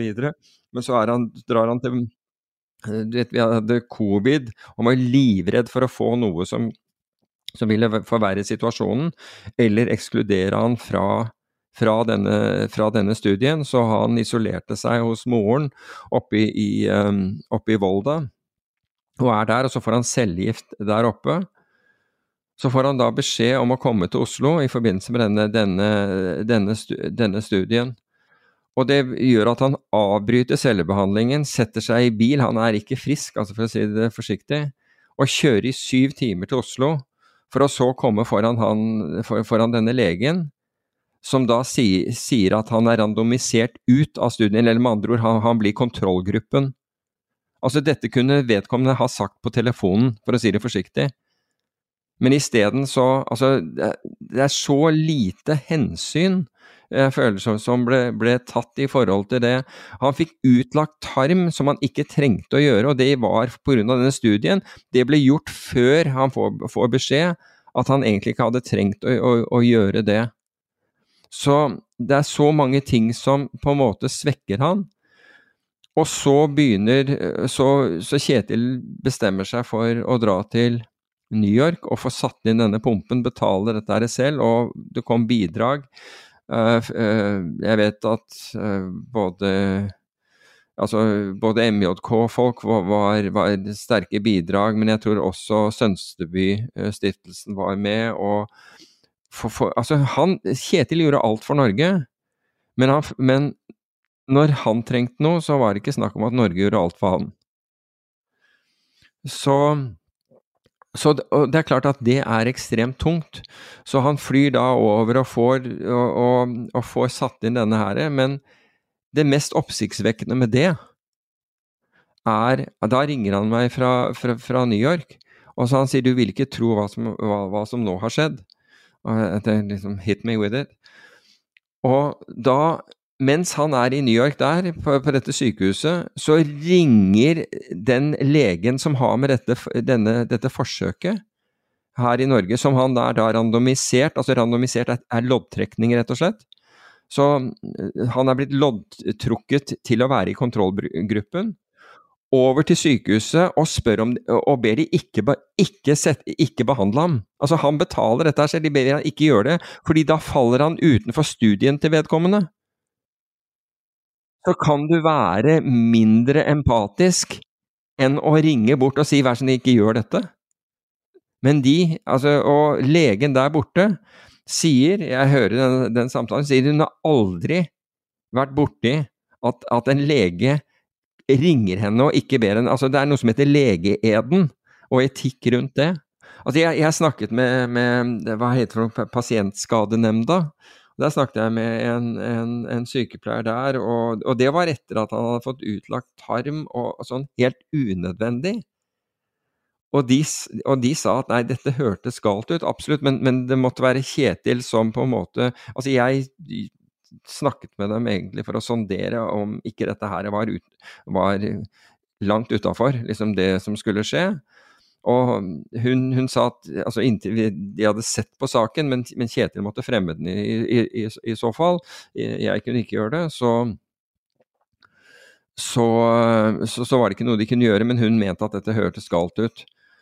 Og, men i hvert fall, altså Kjetil fortsetter med, med denne, denne, denne, pumpebehandlingen, men samtidig så Men fordi annet han har fått han mente selv at han hadde fått feil, altså feilmedisinering i forhold til den tilstanden han var i.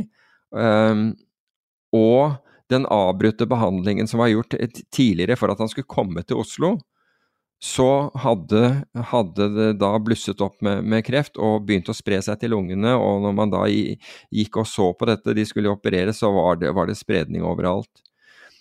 Så det gikk da fra at man forsøkte å, å redde livet, til at Kjetil forsto at livet ikke kunne reddes. Altså, han, han kjempet virkelig for, for, eh, for, for, livet sitt. Og fra det av så var, handlet det om at dette ikke skulle skje med noen annen. Det var det han eh, tenkte på. Dette skulle ikke andre gå igjennom. Og han sa at det er så mye kognitiv lukking og bekreftelsesfeller som ligger i disse studiene, hvordan legene opererer. At, at han sa de ville aldri gått igjennom i andre, altså i, i f.eks. innenfor etterretning, du ville aldri kunne fremlegge fremlegge resultater på den måten de gjør, fordi de er ute etter bekreftelser. I utgangspunktet skal det være bekreftelser. Og så påpeker han også at det derre forsøket han skulle være med i Han forsto at når han satte seg inn i dette, dette Dette hadde man drevet med i USA i 40 år. Og allikevel så skulle det forskes på før man kunne gi dette i Norge. Her har man 40 år med erfaring, og så skal man da betale for et dyrt forskningsstudie i Norge, som da Helt unødvendig. Så, for, så, for, så han føler seg ekstremt sviktet av systemet, og så og så sier han og, og en ting han, Så sier han til meg en dag at, vet, at jeg, whatever happens, jeg skal dø med støvla på. Så, var uttrykket Det er jo et militært uh, uh, uttrykk. Og så oppi det hele, da, så dør moren uh, i, i, fjor, plutselig. Da har Kjetil bodd der oppe, altså han var ikke hjemme når dette, jeg tror han var, var, nede i Oslo. Og da hadde han prøvd å ringe meg et par, par ganger, men jeg, jeg satt opptatt, og så, og så var det noen andre som, som sendte meg en melding, og da, da, ringte jeg han umiddelbart tilbake. Jeg trodde ikke det var sant. Så oppi dette her så, så, så, han får liksom Han får så mye mot seg at det, at det er liksom Det er Det vil ingen grense ta, altså. Og det er ikke noe Altså, dette er en kar, igjen, som har kjempet for, for landet. Han har gitt alt for Norge, han. Men Norge gir ikke alt, alt tilbake. Det er, det, det er helt klart. Og så jeg snakker med han Jeg hadde vært på utenbys uh, uh, Det er litt over en måned siden, tror jeg det er. Det har vært på, på, et styremøte utenbys, og så hadde Kjetil ringt i løpet av dagen. Så hadde jeg sagt at jeg satt i styremøte. Skulle ringe han på vei tilbake. Og da ringer han på vei tilbake igjen til Oslo. Og da, og da er han et veldig In a very bad place. da er liksom da er, eh, da er, han liksom kommet til veis. Dette, dette orker han ikke mer, og, og snakker da om å, om å dra til, eh, til Sveits og avslutte det. Og hvorfor han vil avslutte der, er at han, han har ikke tillit til, til, det norske helsevesenet lenger. Og han, han vil ha dette på egen Han ønsker ikke å dø i en snappende etter luft i en, i en morfin, eh, morfinrus-helvete uh, i, i, Norge. Han ønsker å dø på egne premisser. Og jeg må innrømme at uh, altså tanken min da var, var at, uh, at det, mer at dette er sånn man sier. Men så, da jeg ringer han eh, dagen etter, da er han, da er han da, si, Han har det mye bedre med, eh, med seg selv, eh, men er, også, er, likevel klar på dette. Og så ringer han meg for ja, det er bare noen uker siden, og, og, og spør uh, om, jeg, uh, om jeg vil være med, for han har med til, uh, til, til Sveits. Og jeg, jeg, sa at liksom, hvis, hvis, det blir så ille, og, og det er det som Og du er fast bestemt på det, så selvfølgelig så, så, så reiser jeg med deg, hvis, hvis, det er det. Fordi han, han ville at han ha noen å si, av, av vennene sine, som han, han, hadde mange, bare, bare, så det er sagt, rundt seg. Og så Men når han snakket om det, da, da var han i, i, i, godt humør når vi, når, når vi snakket om, om liksom den, den, situasjonen. Um, og jeg tenkte at det, det der eh, blir tungt, men, men, men, selvfølgelig gjør man det. Uh, og så prøvde jeg å ringe han på, det var nå på, nå på torsdag. Og, eh, og fikk ikke svar, og så ringer han meg tilbake igjen, men da er jeg opptatt. Og så ringer jeg han tilbake igjen, og, og han svarer ikke, og så ringer han meg tilbake igjen. Og da, da er jeg oppe på, eh, oppe på på et dyrehospital i forbindelse med, med, med, med en hest. Og da, fortal, og da, forteller han meg han er i Sveits.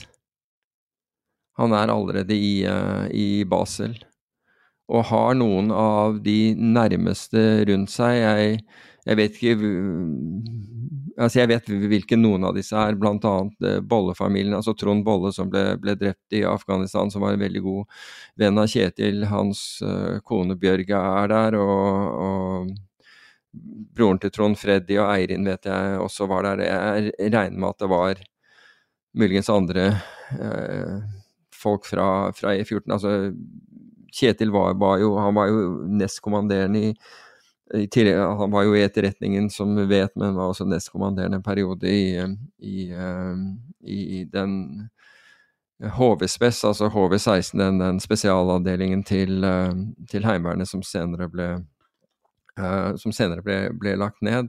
Så han hadde jo han hadde jo et stort, stort kontaktnett av, eh, av eh, folk som hadde vært i eh, som hadde, som hadde vært i, i, i, i, krig eller jobbet i, tjenesten.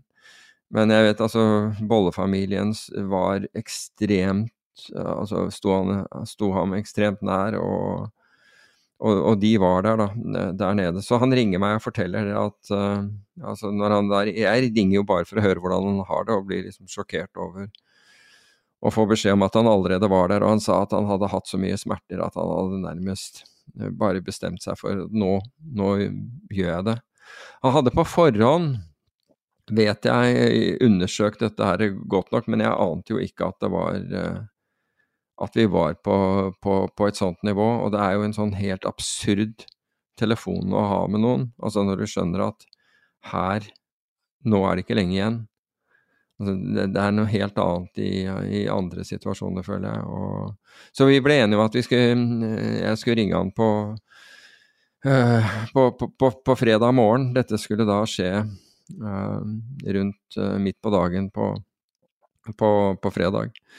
Så jeg ringer han eh, på, uh, på, fre på, fredag, og han tar ikke telefonen, og så tenker jeg uff, er det derre Altså, var det egentlig sånn Han kommer ikke til å ta telefonen fordi liksom dette her er, er, er liksom for, for, for, tøft, men han orket ikke å, å, å si farvel eh, dagen før. Men så ringer han meg tilbake igjen, og da, og da snakker vi på telefonen eh, noen timer før før uh, det, dette, dette, skal skje, og det er jo det er en absurd um, telefon å ha. Men han er, han er i godt humør.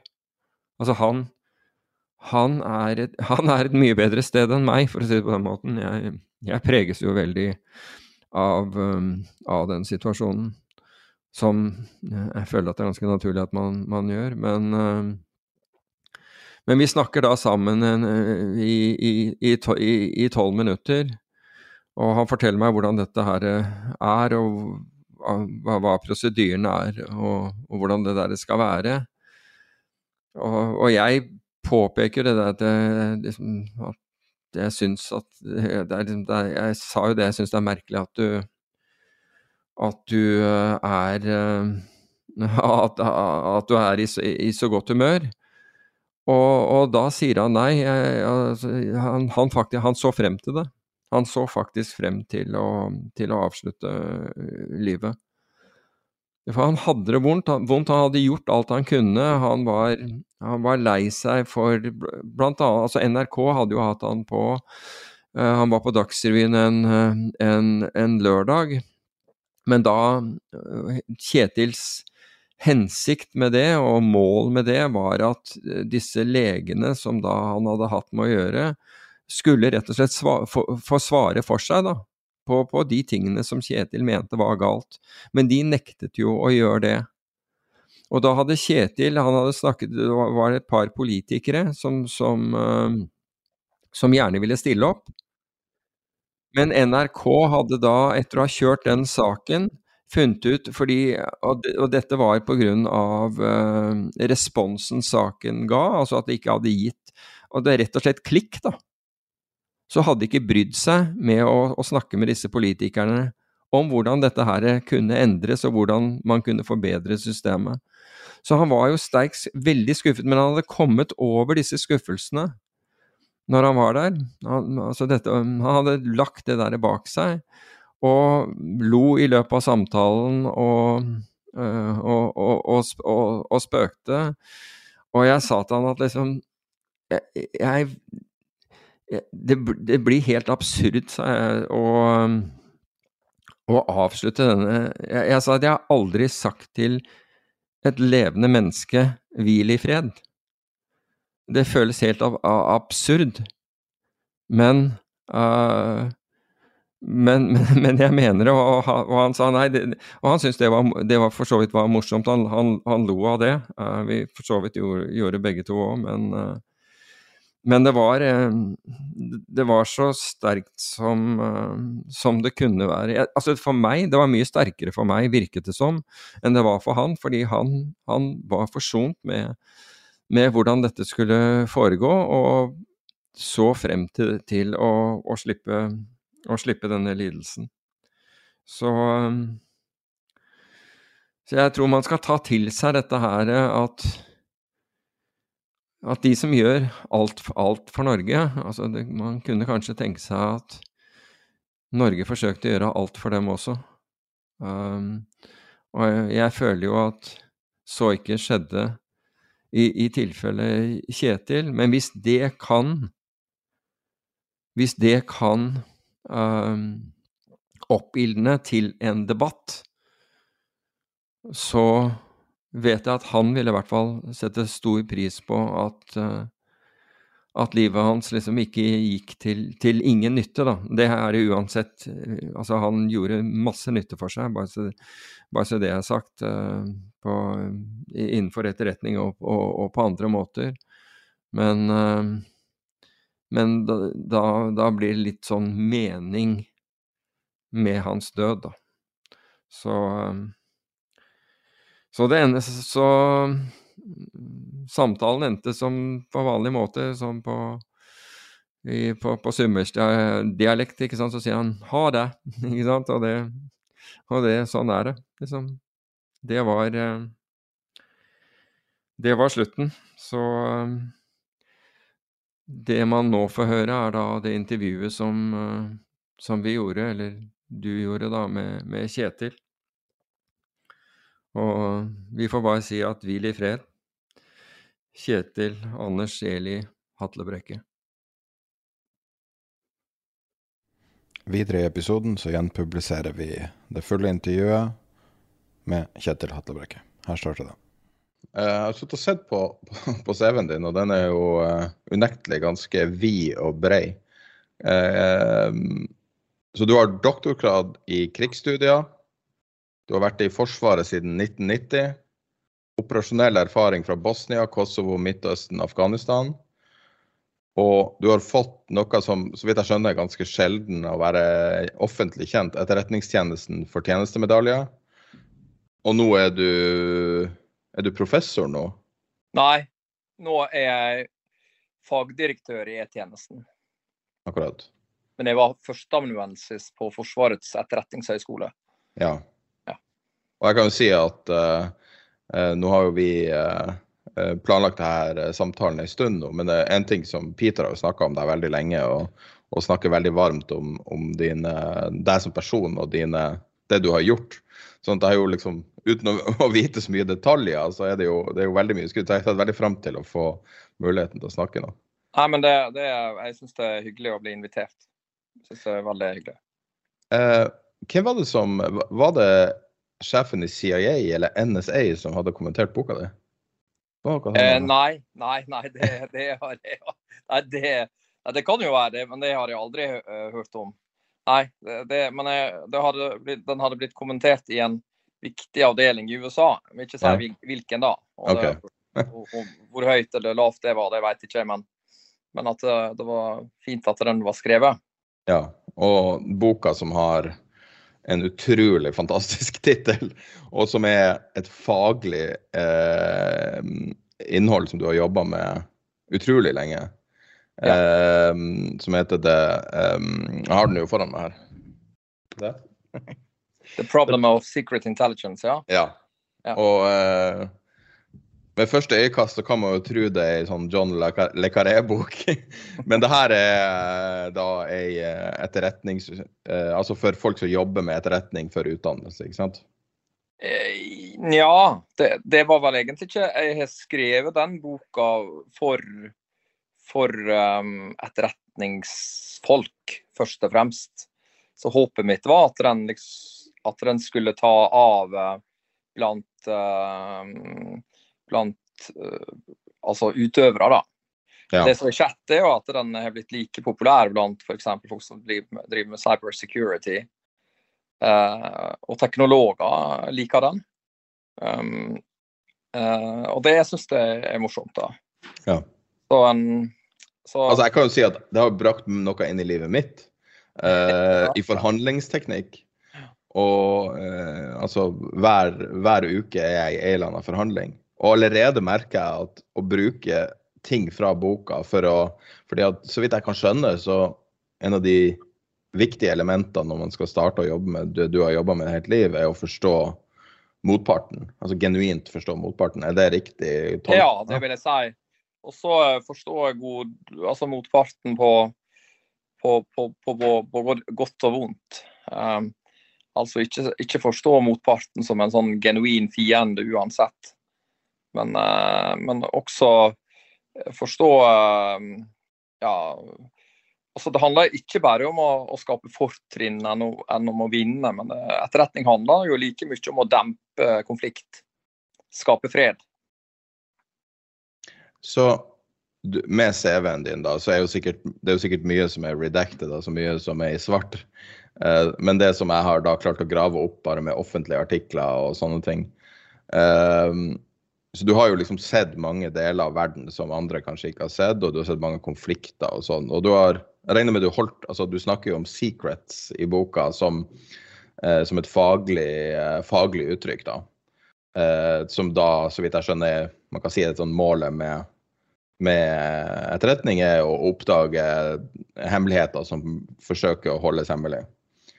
Um, men hvordan klarer du å forholde deg til å til, å, til hemmeligheter. Altså det, må være, det er jo veldig menneskelig natur å ville snakke om ting. Og vi har snakka ganske mye. Du, du, er jo glad i å snakke. Så Hvordan klarer man altså fra et emosjonelt ståsted å forholde seg til en sånn hemmelig verden? på en måte? Er det, Nei, altså det, det, det er jo rett av mine mantraer hele min 24-årige eh, karriere i, i, i, etterretning. det er jo at det er det vi må prøve å, altså Den spenninga der, den må vi gjøre alt for å klare å, å dempe. Og Derfor så sier jeg i boka at fordi at det vi jobber med på utsida er så fordekt og ofte så, så full av, av, eh, deception, eh, altså forledning og villedning, eh, det er så store datamengder, og så at teknikkene som blir brukt i etterretningsorganisasjoner, de, de, det er ikke det som blir sett på som sjarmerende i, i privatlivet. Slik at Da sier at da, da, er det ekstremt viktig at det inn i etterretningsorganisasjoner så må, ha en, så må vi ha en, en, motsatt kultur. Den må være så åpen som mulig, den må være så tydelig som mulig, den må være så klar som mulig. Det er et av forpoengene i boka. Og Derfor så sier jeg også at det, i boka så har jeg en setning, jeg oversetter den til norsk, at etterretning er først og fremst truet av de som er tiltrukket av hva etterretning ikke skal være. Så alle de som vil bli James Bond, eller som tror at etterretning handler om det, de er rett og slett farlige for etterretning. Fordi at de store gjennombruddene i etterretning, det, det har skjedd av eh, R.B. Jones, han var professor i fysikk, ble kalt uh, Winston Churchills boy wizard. Og så hadde du Alan Turing, som i og for seg aldri jobba i en etterretningsorganisasjon, men han skapte datamaskinen. Ikke alene, men uten hans eh, matematiske formel så hadde ikke man klart det. Iallfall ikke på så tidlig tidspunkt. Og så har vi Sherman Kent, som var professor i historie fra, fra Yale, som skapte moderne analyse. Så etterretningsorganisasjoner, det er på altså, det er, kunnskaps, det er dype kunnskapsorganisasjoner. Peter har jo ofte snakka om at eh, når han eh, for, Vi har jo veldig mye unge lyttere av podkasten, og folk som går på universitetet, mange på BI f.eks., og sånne plasser.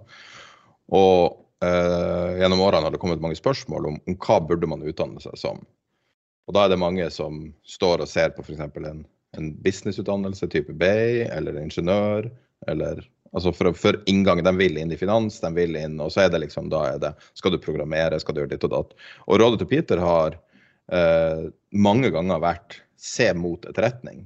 Fordi at det er der mange ressurser kommer nå inn i, i finans. Altså fordi at det er så vanskelig for det første å komme inn der, så det er jo en veldig eh, ja. Også er det kompetansen. Jeg, jeg, jeg, er enig med Peter, og så vil jeg utdype det svaret hans litt. Fordi at uh, allerede i 13-14 uh, så begynte man å se at folk begynte å gå fra Google og Microsoft til små firmaer i Silicon Valley. Og de selskapene de drev på med det som nå heter Data Science. Det heter det den gangen også. Men uh, Data Science har jo fem, fem stolper. Og det er at eh, For å bli virkelig god i data science, så må man kunne hacking. Altså, så må man da, For å kunne hacking så må man kunne datakoding. Og så må man være god i analyse. Eh, og så må man være god i data storytelling og rådgivning. Så de som klarer å bli veldig god på alle de fem eh, feltene, de vil være de som får de jobbene som trengs. Eller altså, de vil få de beste jobbene i framtida. Men det som er interessant da med hele faget data science, legg merke til da hva det er disse fem gjentar de fem står. Altså hacking, koding, eh, analyse, rådgivning og data storytelling. Det er rett og slett en moderne beskrivelse av etterretning. Mm. Det er etterretning. Etterretning er en, en, institusjonalisering av tenkning. For når vi tenker, så har vi en idé, og så, og så, og så kan ikke man um, så, vi, så, går vi fra idé til teori om, uh, om, den ideen vår, og så lager vi en hypotese, og og så, prøver vi å motbevise den hypotesen. Og Det er det etterretningsorganisasjoner gjør, hvis de er gode. Og Hvis de er veldig gode, så, så gjør vi det digitalt. Altså ikke bare digitalt. Fordi at den store faren med digitalisering, det er hvis man tror at, artificial intelligence kan automatisk eh, analysere alle problemer. Fordi at artificial intelligence har ikke løst induksjonsproblemet. Induksjonsproblemet er jo at vi tror at fremtida blir som fortida. Slik at eh, der, der, kan, kan, vi snakke litt om induksjon? Det er det vanligste ordet du bruker i boka. Ja. Og det er det ordet som er lengst unna dagligtalen i norsk. Et ord som, som er hørt flere ganger dukke opp, og som er intuitivt På tross av det du sier nå, og det jeg har lest, og det er alt, så intuitivt ikke forstår det. Så hver gang man sier induksjon, så handler det om at verden er statisk, er det det? At verden Nei, ikke endrer altså, seg? Ja, eller at man tror at verden er statisk. Uh, uh, men induksjon, altså filosofisk, det betyr jo at man, utlader, altså man utleder fra generelle observasjoner til spesifikke konklusjoner. Altså fordi at man ser at alle svaner er hvite, så sier man at da er den neste hvit. Sånn man ser fra det generelle til det spesifikke. Så induksjonsproblemet det, det er hvis man skal løse den forvirringa i sitt eget hode, som jeg brukte ti år på, så er det kommet til det at det det betyr, det er at eh, induksjonsproblemet det betyr å tro at framtida blir som fortida. Men framtida blir aldri som fortida, fordi at framtida oppstår i Men det ser slik ut fordi at framtida oppstår i variasjoner av fortiden. Men når man ser på den situasjonen som er nå, uten å gå inn i detaljene på Ukraina og Russland vi, altså Det forandrer seg så mye, så man trenger kanskje ikke å tenke så mye. Vi kan snakke litt om det senere. Men hvis du bare tar utgangspunkt i det, så, så, så har det så mange spådommer. Det er så mange etterretningsorganisasjoner. Det er så mange øyne som ser på det, så mange hjerner som tenker på det. Og så ser du at utfallet Eh, fra på en måte det vanlige folk oppfatter, virker å være utrolig vanskelig å spå. Det er vanskelig f.eks. å spå det noen mener, f.eks. irrasjonalitet. Det er vanskelig å spå om folk er villige til å gjøre det de sier de skal. Altså, så, så, det, så, spørsmålet til etterretning er fungerer etterretning i det hele tatt? Er det mulig å spå? Ja, jeg, jeg, vil ikke bruke ordet spå. Jeg, jeg bruker bevisst ordet estimering eller prediksjon. For det betyr noe spesielt i, i, i vår organisasjon. Og Der var det en som Det var jo Ervi Jones, da. Eh, og disse folka som var ekstremt gode i vitenskap. Altså De brakte vitenskapelige prinsipp inn i etterretning. Og så har det i og for seg tatt ganske lang tid da, å implementere det. Eh, men, men, estimering det må man forstå som én, det å identifisere eh, det, altså fysiske og mentale krefter at work til enhver tid. Og da, og da, vil jo de som er, forstår hva det betyr, da er arkiv helt nødvendig. Da må du lagre. Alle som har drevet med, alle som er journalister eller som har prøvd å skrive på en bok mer enn 200 sider, vet at da må du ha et arkiv. Eh, fordi at hukommelsen er helt, helt essensiell. Og så skal du da, Steg to, da skal du vurdere da, de, alle disse funnene mot, mot trender. Fordi at ikke sant, til flere funn du får eh, i nåtid og ikke sant, i framtid, så kan du lage trendanalyser. Og Det er da man da leter etter avvik. Um, uh, og så er det, kommer det, da, det, det siste, da, siste punktet, punkt tre. Det er at da, da lager du en analyse av hva Det er ikke rett å kalle det en analyse, men du lager en hypotese av hva man tror at motstanderen kan komme til å velge hvis våre beslutningstakere velger følgende tiltak. Så Derfor så handler ikke etterretning om verken spådomskunst eller forutsigelighet. Eller, altså, forutsigelighet, forhåpentligvis. Men det handler om å, å gjøre usikre estimater mindre usikre. Eh, og da må man ha fullskala etterretningsorganisasjoner. Så når det er den norske etterretningstjenesten og andre vestlige, det britiske og amerikanske, sa at det var Altså at Nå, vil, nå skulle jeg til å si er sannsynlig, eh, men, men altså sannsynlighetsord er vanskelige. Altså si at De sier at det, nå, nå, er det mer trulig enn før at Putin kan komme til å angripe. Um, så var jo det fordi at da hadde uh, man, da har man en masse informasjon fra signaletterretning, eh, menneskelig etterretning, eh, bildeetterretning, signaturetterretning og åpne kilder. Så summen av alt det der blir da gitt til analytikere som da legger på det laget som en, en, altså det nærmeste man kommer en legende i, i verdens etterretnings Eh, eh, da, det er eh, Mark Løventhal. Jeg tror han vant Jeopardy i USA fem ganger. Um, um, men, men, altså, det, det, er ikke hovedpoenget her. Men det er jo et hovedpoeng for å fortelle litt om hans kapasitet. Da. Han sier at the, holy grail of intelligence, det er denne her ekstravurderinga som analytikeren legger på basert på erfaring. Uten å gå i induksjonsfella. Sånn, de virkelig gode folka, de gode tenkerne i verden, det er de som klarer å unngå å, å gå i sine egne kognitive feller. Ja, det mening? Ja, og, og, og, mitt naturlige oppfølgingsspørsmål, hvis du ser induksjon, Uh, og hvis du ser da inertia, jeg vet ikke om, om det er en del av din, din, verden, men sånn som jeg opplever verden, så er det jo en viss, det er en viss sannhet i induksjon. Altså Man kan jo si at uh, over et års tid. Den beste måten å spå været i morgen er været i dag. ikke sant? Altså. Ab absolutt. men du misser, du misser orkanene og du misser stormene. Nei, men, da, altså... men er, den, er den, den der tregheten i samfunnet, er den, er den noe man, man klarer å måte ta inn i en kalkyle når du skal gjøre f.eks. en prosentmessig vurdering av hva som kommer til å skje? Hvis det, hvis det er sånn det ja, altså, Jeg er veldig skeptisk til prosentmessige vurderinger når det handler om å vurdere andre menneskers eh, altså hvis, hvis, det handler om været, så er det én ting. Men hvis det handler om Putin eller om deg og meg, så er prosentregning litt verre. Spesielt hvis den personen vet at vi driver og regner prosentregning på han. Eh, og det er det som RV Jones kaller 'complexities'. Eh, for nå, nå, la du merke til at det er tre steg i estimeringa. Altså, så det, eh, man samler inn, og så lager man trendanalyser. Og så har du siste del der man da ser på det man kaller strategiske interaksjonsforhold.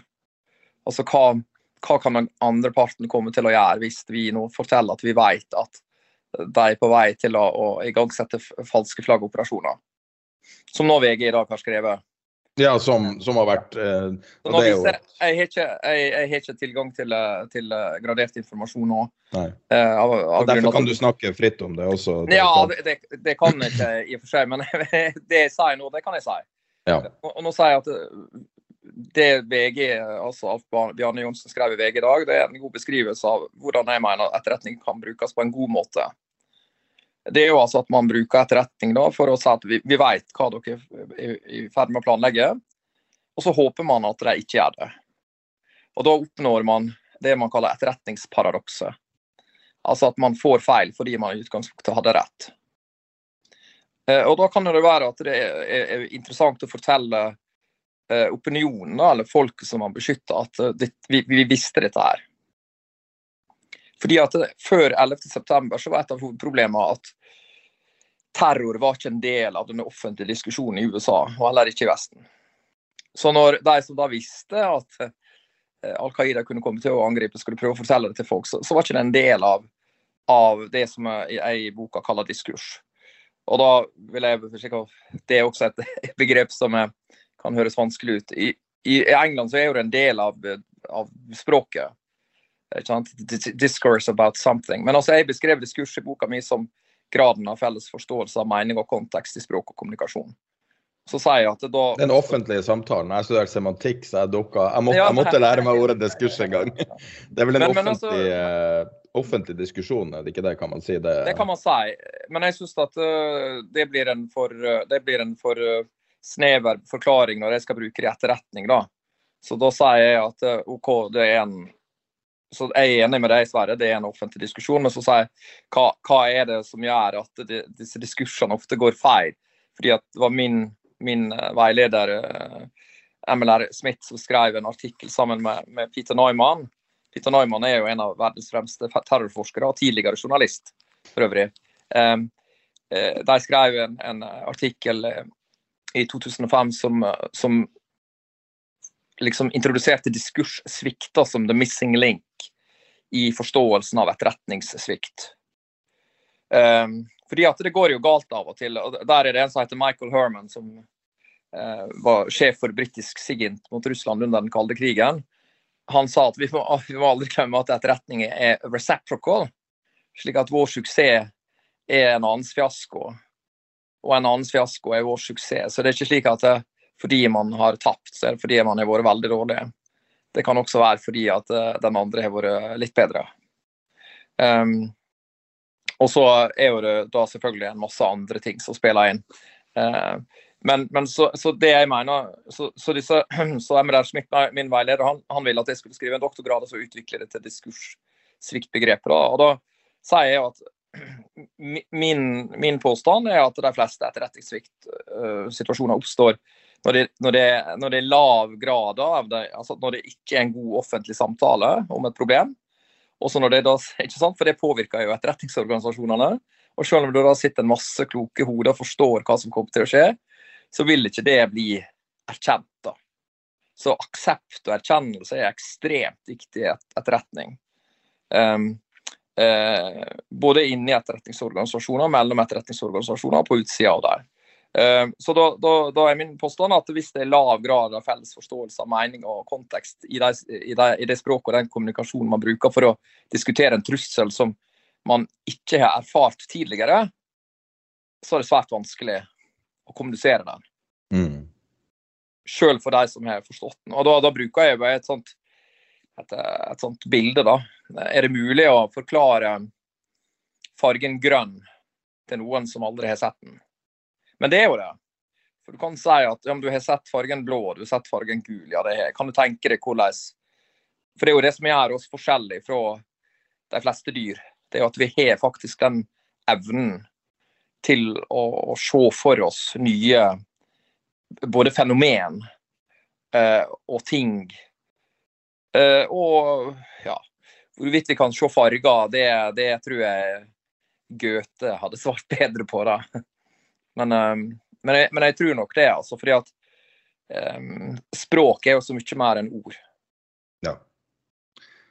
En, en ting som jeg har tenkt masse på, uh, hvis du ser tilbake på historien på etterretning, uh, så man kan jo si at andre verdenskrig var vel på en måte starten på moderne etterretning i en eller annen form. Og så kom vel uh, Det var jo både forløperen av FSB i den perioden, forløperen av CIA, forløperen av, og mange ting kom da.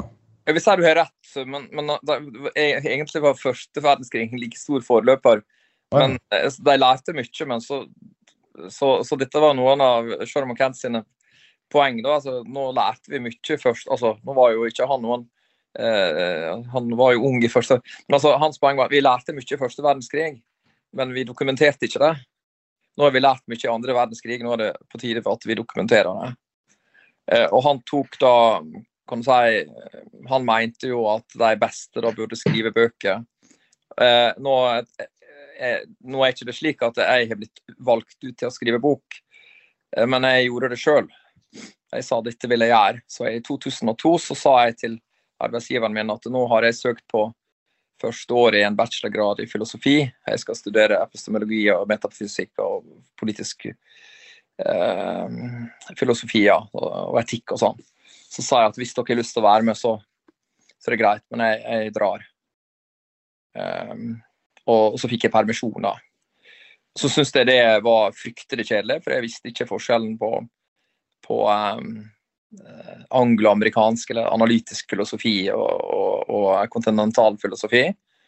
Uh, så jeg syns det, det, var veldig sånn strikt, dette her med formal logikk og den type ting. da.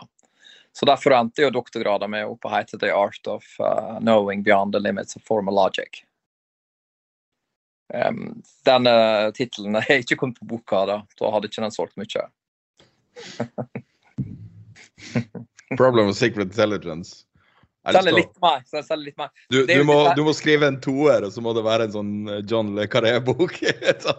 fordi at tittelen er så bra at den, det, kan, det kan være en spiller. Ja, det, er noe, det er noe enkelte som blir skuffa og, og, tenker at dette blir lettleste greier. Jeg har ikke prøvd å skrive en vanskelig bok, men jeg har jo skrevet om et vanskelig fenomen. Um, så, så, jeg har, tro det eller ei, prøvd å skrive den så lett som mulig. Men det er jo veldig teoretisk. Din tilnærming er jo veldig teoretisk. Det er jo, uh, jeg får jo flashback fra universitetet når vi For det, det, du har et veldig presist språk fordi at det er en presis verden. Ja.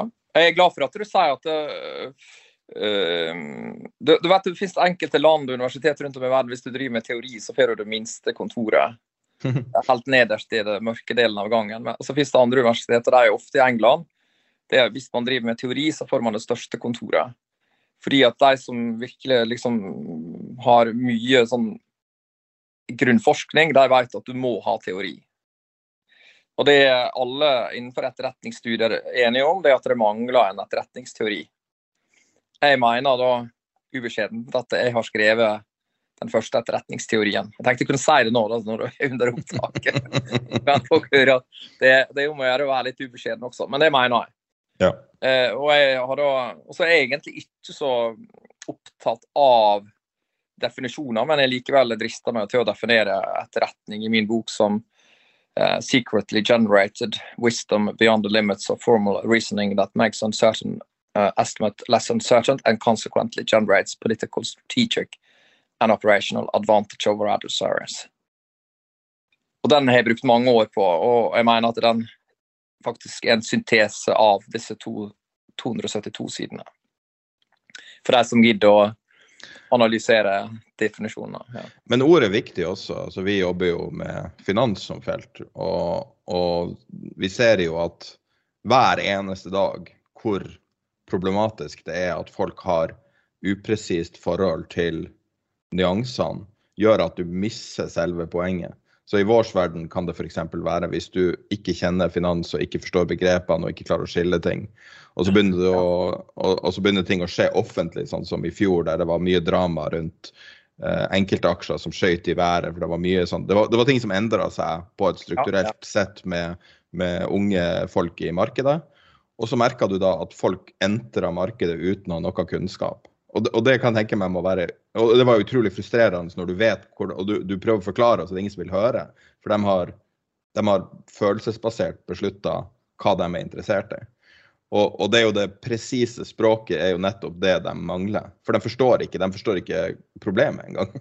Og, ehm, og jeg tenker at eh, du sikkert møter det mer enn noen andre fordi at... Eh, ja, altså, når, når jeg, jeg starta opp den første ugraderte etterretningsutdanninga på, på, Forsvarets uh, høgskole, altså Stabsskolen, da, som er en del av Forsvarets høgskole, Eh, og når jeg skulle begynne kurset, så hadde jeg fått det til slik at jeg spurte da general Hagen, som den gangen var sjef i tjenesten, dette var et ugradert kurs, og så sa jeg at jeg tror det er lurt at vi får med en, en, liksom en, en Altså vi må få med hele, alle disse som skal være med i denne offentlige samtalen om etterretning den dagen det virkelig gjelder.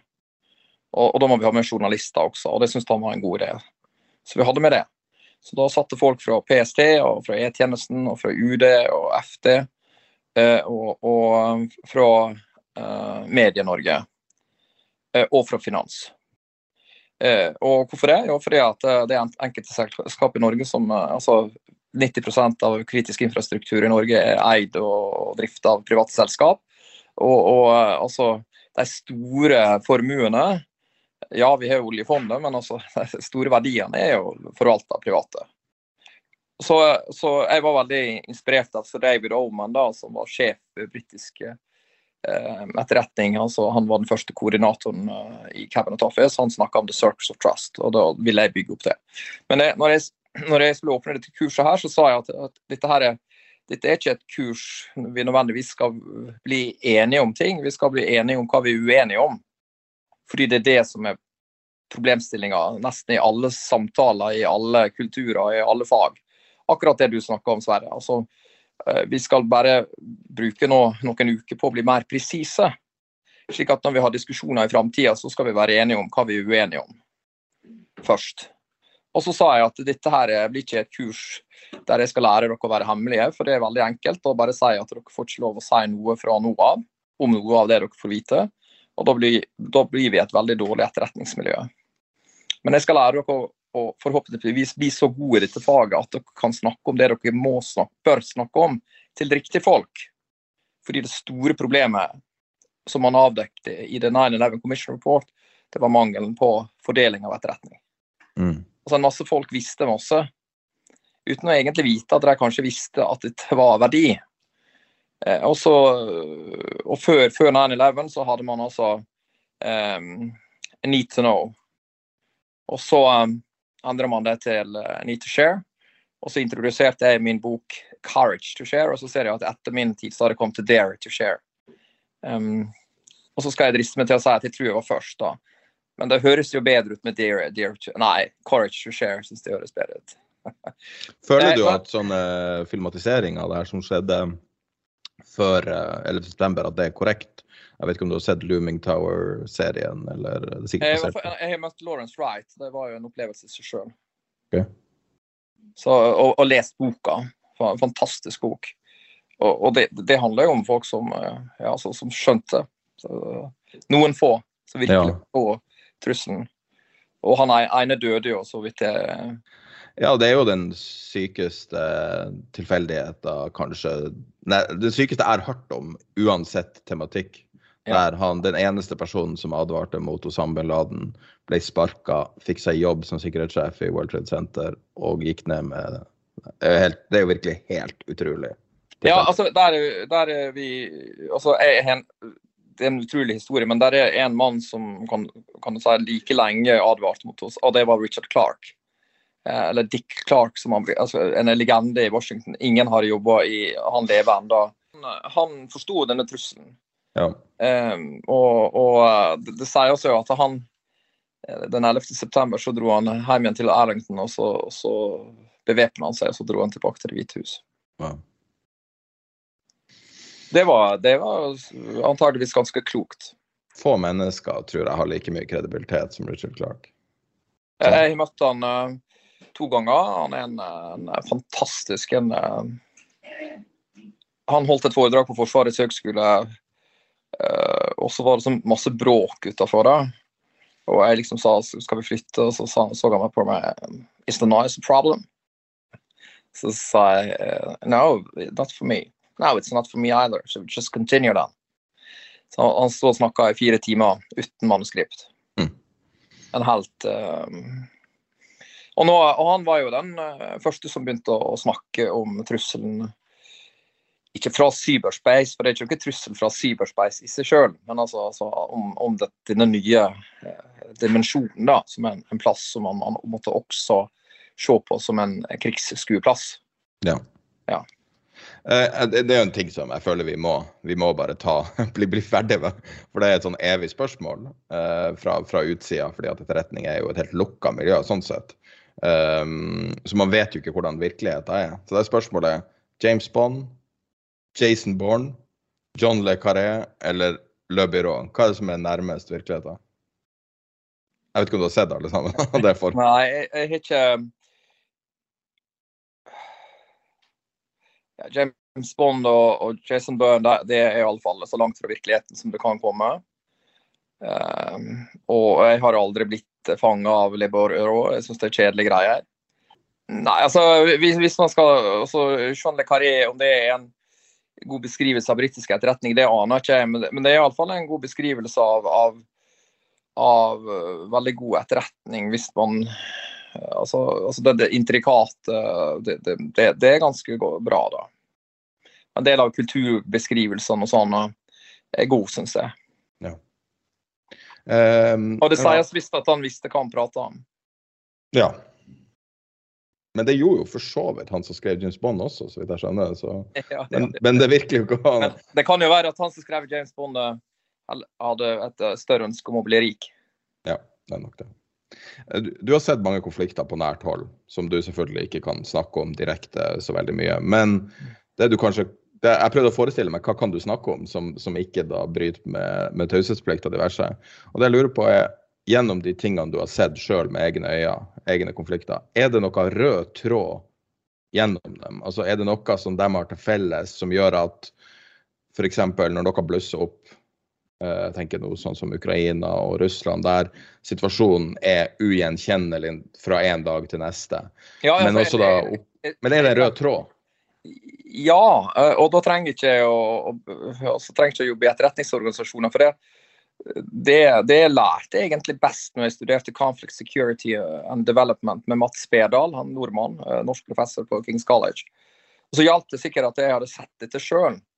Um, men, men det, som, det man ofte ser, det er jo at når du har veldig sånn rask eh, sosioøkonomisk endring eh, over veldig kort tid, mm. eh, så så vil du få um, sosial, altså, sosial vold. Eller, eller, ja. Og hvis det da også fører til horisontal ulikhet, altså at du får ulikhet innenfor samme klasse, eller samme Altså at du bor i, bor i Bjørkeveien, der kjører alle stasjonsvogn Volvo. Så plutselig er det tre av 20 som begynner å kjøre Rolls-Royce. plutselig.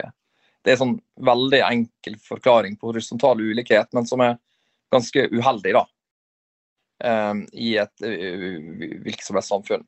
Så dette, Det var den platte beskrivelsen. Vi Gå tilbake til den beskrivelsen som har mer altså for det å, at et, et, en stat plutselig får veldig mye penger og ikke har infrastruktur til det. Uheldig. Og Så er det det klassiske da, som går igjen. Det er altså, altså at uh, naturressurser, vann, mineraler, metall, seilingsleder og, og slike ting. Så, så selv i den krigen som pågår nå, så må man se hele verden under ett. Og, se den i et geopolitisk lys. Mm. Det er viktig. Eh, men, men, det som det som igjennom, Og så har du en miks, da. Med, med, I alle sånne konflikter så har du en miks på eh, forhistorien. og ofte Tidligere så var det postkolonialismen. Altså, altså, altså, alt det som skjedde etter at koloniene ble forlatt. Um, og Så må man se på den politiske makeupen, og så er det etnisitet er viktig. Og ikke minst ideologi. Og Så ser man også, ikke alle konflikter, men enkelte konflikter, at personligheter, og sterke personligheter, er drivere for konflikter. En venn av meg var, var i bilulykke da han var 18-19 år. Eh, kjørte av veien i eh, nesten 150, eller noe helt sånn crazy ulykke. Overlevde uten ei skramme. Og så, noen år etterpå, var han eh, på jobb på et skip, og så fikk han en sånn følelse i magen som han hadde kjent før. Og så sa han til han ved siden av seg hold, deg fast. Og så gikk de på grunn rett etterpå, og så var det noen som fløy over bordet. Det var veldig dramatisk.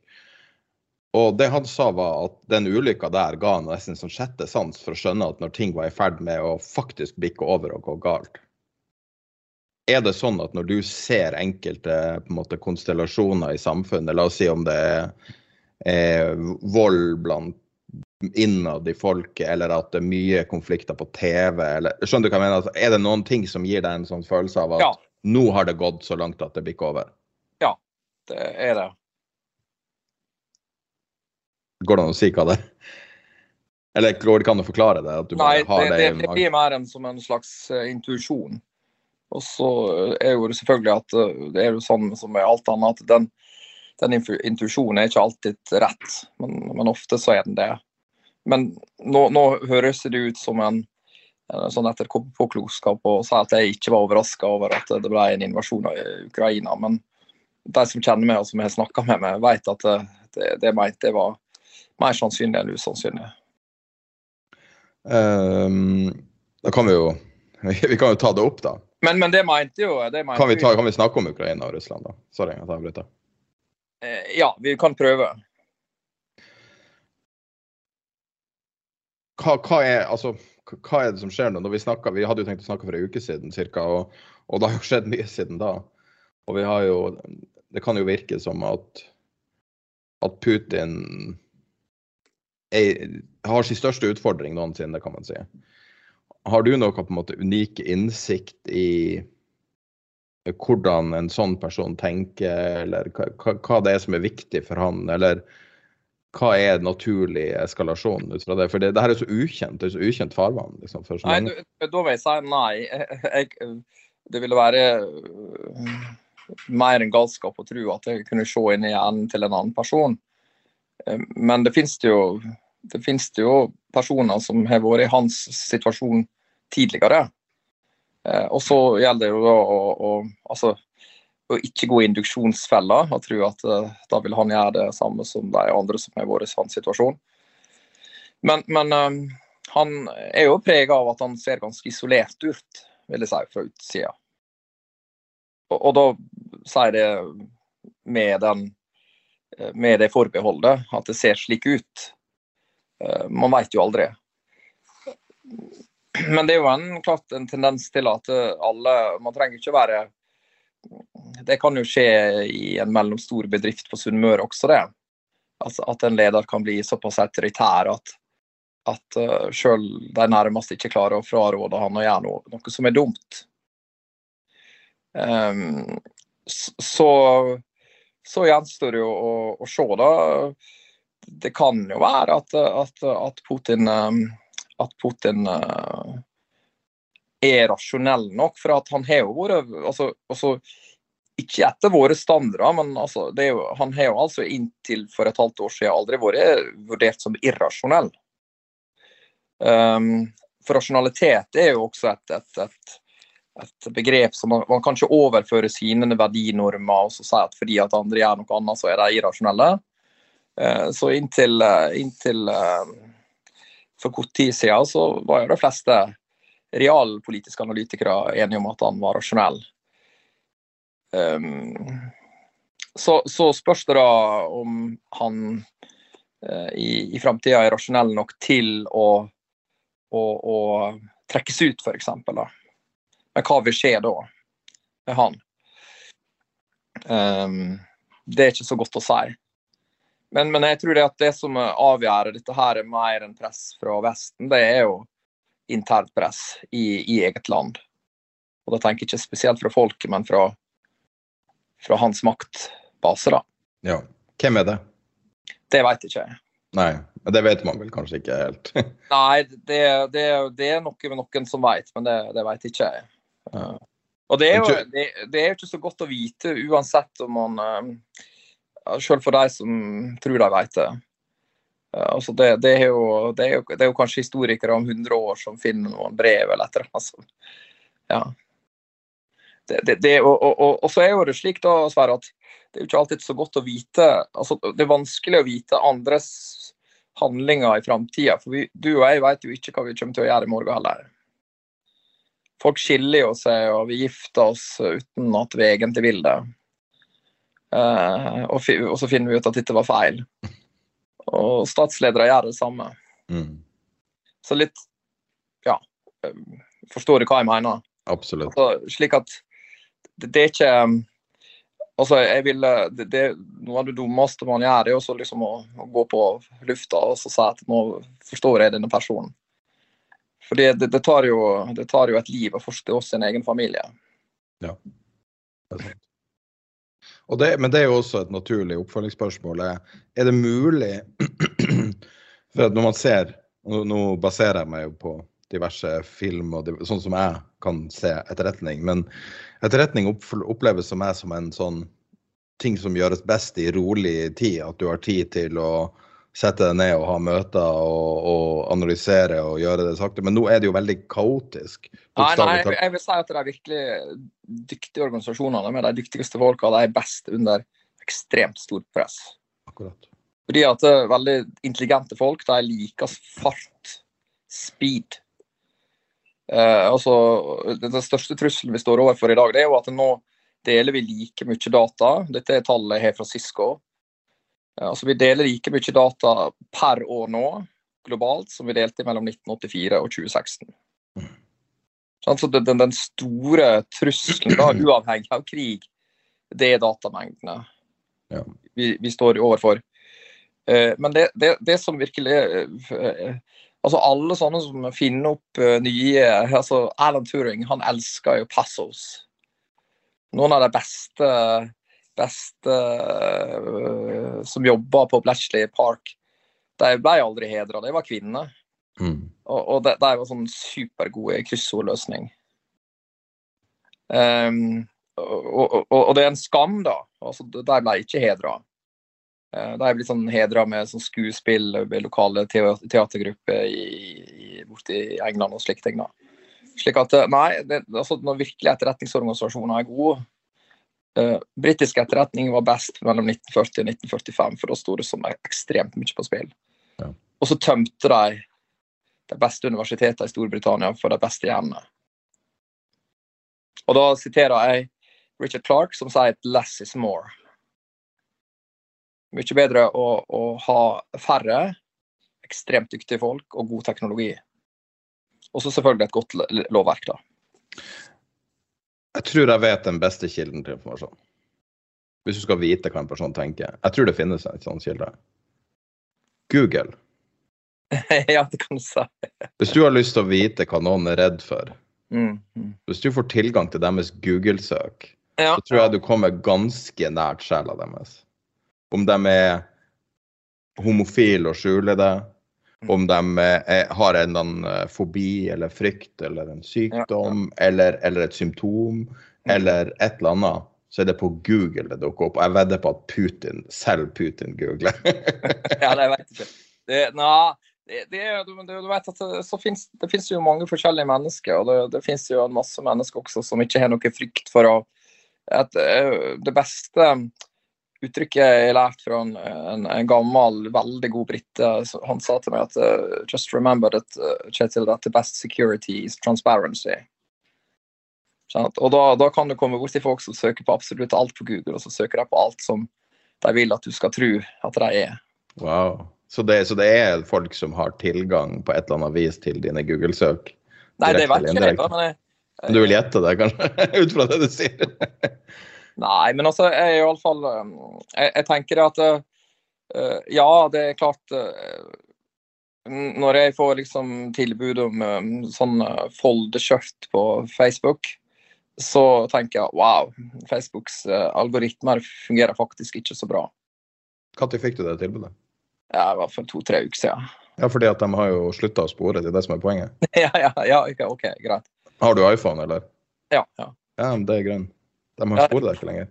De kan ikke spore deg. Det, det er jo et grunnleggende nei, men, men, men, men, mitt poeng er at, at, at, at, det var litt sånn Jeg ble litt rolig på det, da. Ja. For det, det, det, er en av de tingene jeg ikke er så keen på. Ja, jeg har jo sett, sett på en måte innsida, for jeg har brukt Facebook AI-en i praksis masse.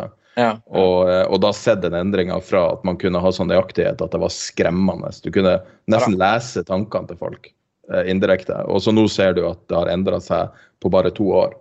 Ja. Og det slo jo virkelig ut i starten av året. Så og, og, det du det, beskriver, er jo virkeligheten nå. Altså, om, om, du er teknolog eller ikke. Dette er jo en liten algoritmeendring.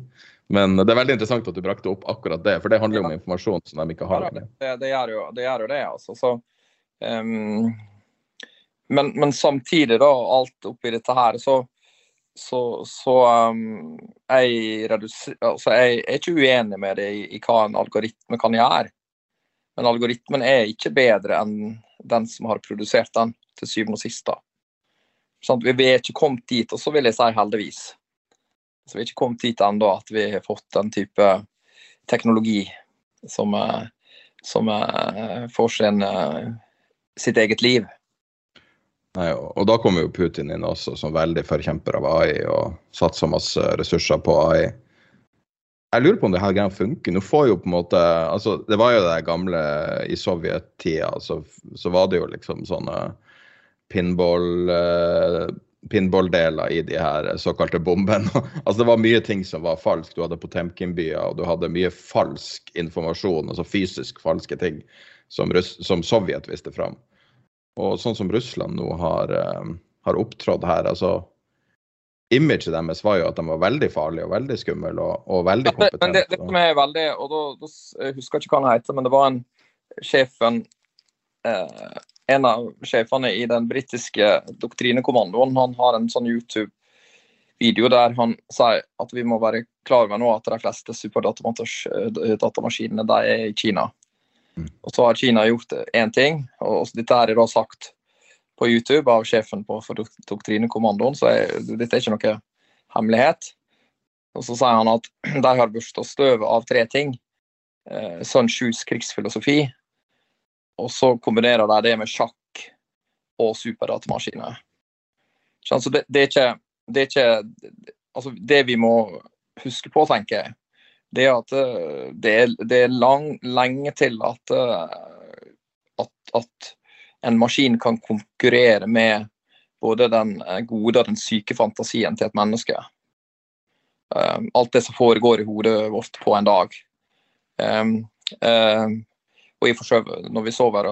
Så de som virkelig klarer å lage en, en, en, en, maskin som er godt integrert med en god bruker, der, der, du da som si, superbrukeren av maskiner kan endre algoritmene mens du driver den, ut ifra kunnskap om sjakk og om, om um, grunnsetningene i sånn sju. Da snakker man om en helt annen type teknologi. Ja. Er det, Føler du at vi er der, eller er det en framtidsvisjon? Ja, det, det, er vanskelig å si. Det, hvis, hvis, jeg hadde hatt den teknologien og, og jobba i Silicon Valley, så hadde jeg villet lage noe veldig eh, kult som han eh, kunne blitt veldig rik av. Men klart, Hvis jeg hadde hatt ansvar for en sånn utvikling i en stat, så hadde jeg jo hadde jeg ikke sagt det. Nei. Jeg tror det tjenesten du beskrev der, kalles Palantir. det, ja. ja, eh, men du kan si at det, det er jo Dette induksjonsproblemet har jo ikke Google sjøl løst, altså. Ja så, så for ellers så hadde jo vi jo hatt uh, mye bedre forslag om søk. Ja, nei, det er kanskje sant. Det, det, eh, har du sett noe når det er uh, Beklager. har, du, har, du, sett noe når det er um, altså i etterretningsøyemed som har uh, Altså noe du har sett som er gradert, som virkelig holder deg oppe om natta? Da mener jeg ikke nødvendigvis en situasjon, men teknologi eller en visjon eller Altså er det ting som som man genuint ikke vet ute i samfunnet, som er veldig skremmende? Nei. Så bra. nei, nei, det vil jeg ikke si. Altså, det er ikke Det, det um, den, den, den, type hemmeligheter uh, fins det ikke. Mm. Så fantastisk. Ja, nei, altså, jeg, jeg, det syns jeg det, det, det, er bra med å altså, Men ja, men det, det, du spør meg, og det er jeg som svarer. Det, ja. er, ikke, det er ikke sikkert folk blir noe beroliget av det.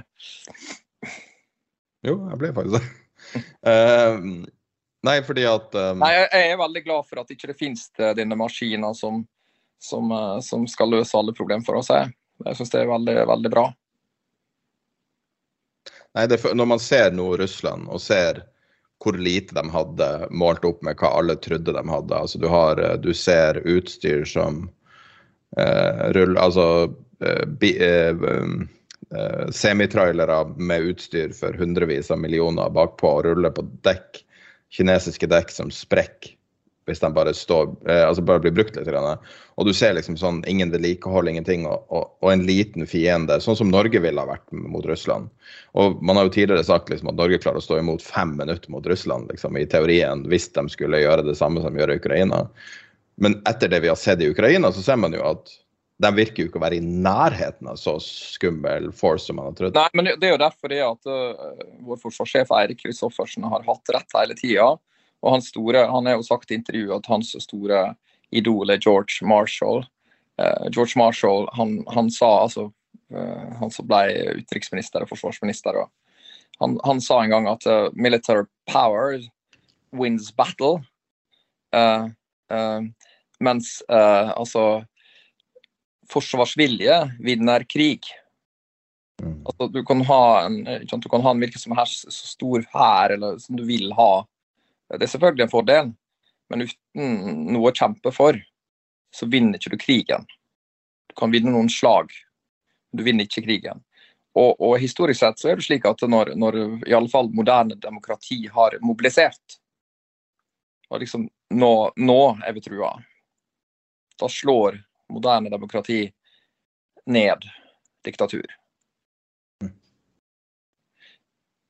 Men nå er vi jo i en spesiell situasjon fordi at det er en altså Nå er jo det Her er masse ødeleggelsesvåpen involvert. Og Derfor så mener jeg at det, det er veldig viktig at, må, at, at, Vesten er så forsiktig som Vesten er. Det er kjempeviktig, altså. USA valgte i forkant av denne konflikten å tilsynelatende benytte seg av en litt uvanlig strategi.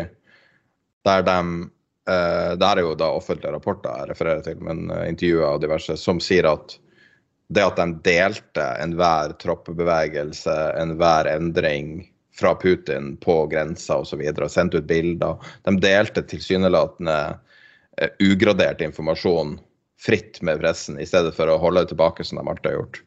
Uh, og det har blitt beskrevet som en ny strategi, uh, personlig godkjent av Biden. Det har stått flere artikler om det. Er dette en ny type form for krigføring vi ser nå? Er dette et nytt kapittel i hva det vil si å drive krigføring, at informasjon er minst like viktig?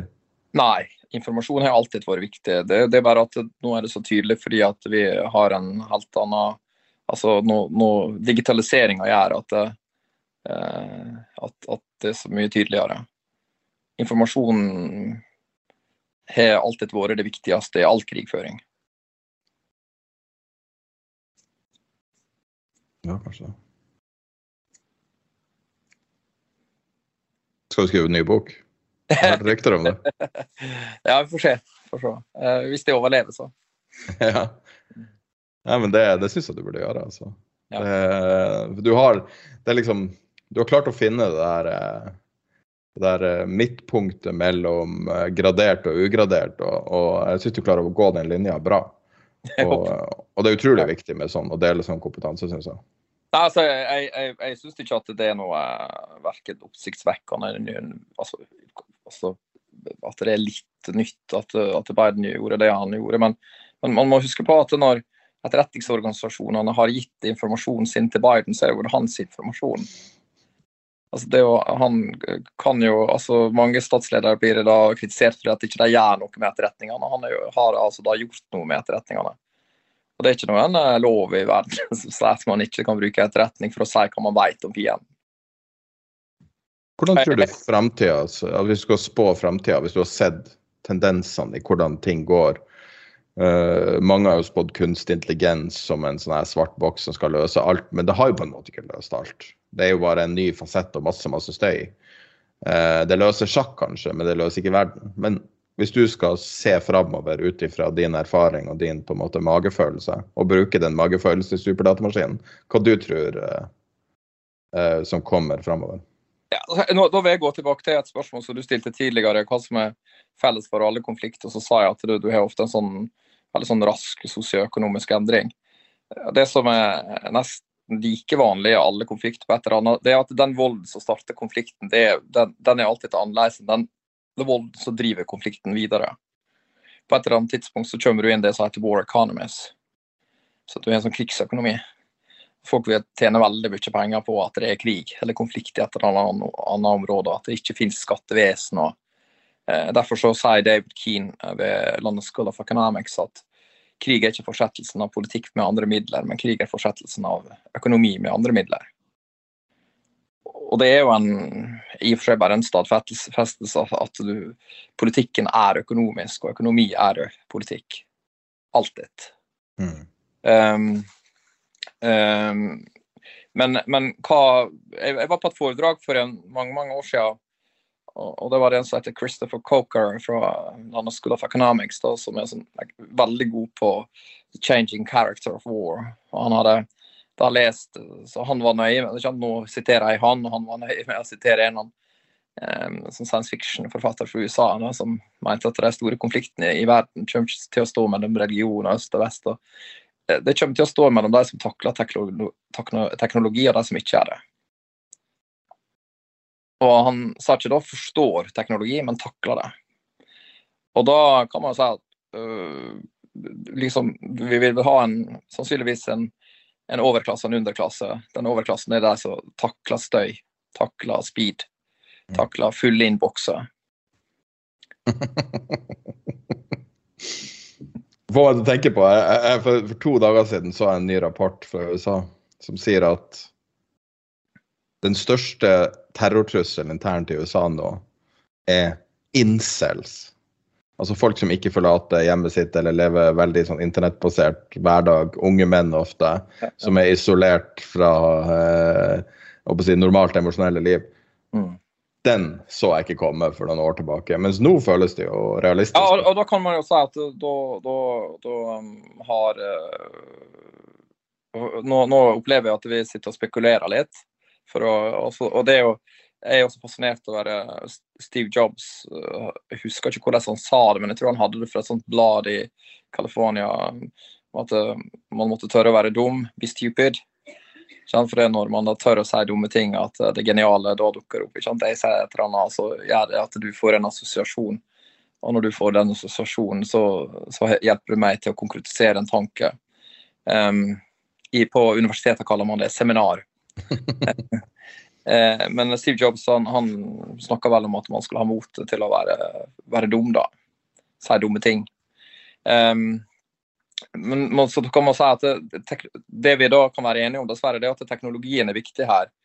Uh, så, så, det er kanskje ikke det snakk om at det blir en sånn slags teknologisk og, altså, hva, Hvis det er en teknologisk overklasse, hva er det, er det, handler det om de som både klarer å stå på ski og leve et aktivt, flott liv, og um, ja, Det blir som med alkohol. ikke sant? De som takler teknologien uten å bli avhengig av den. da.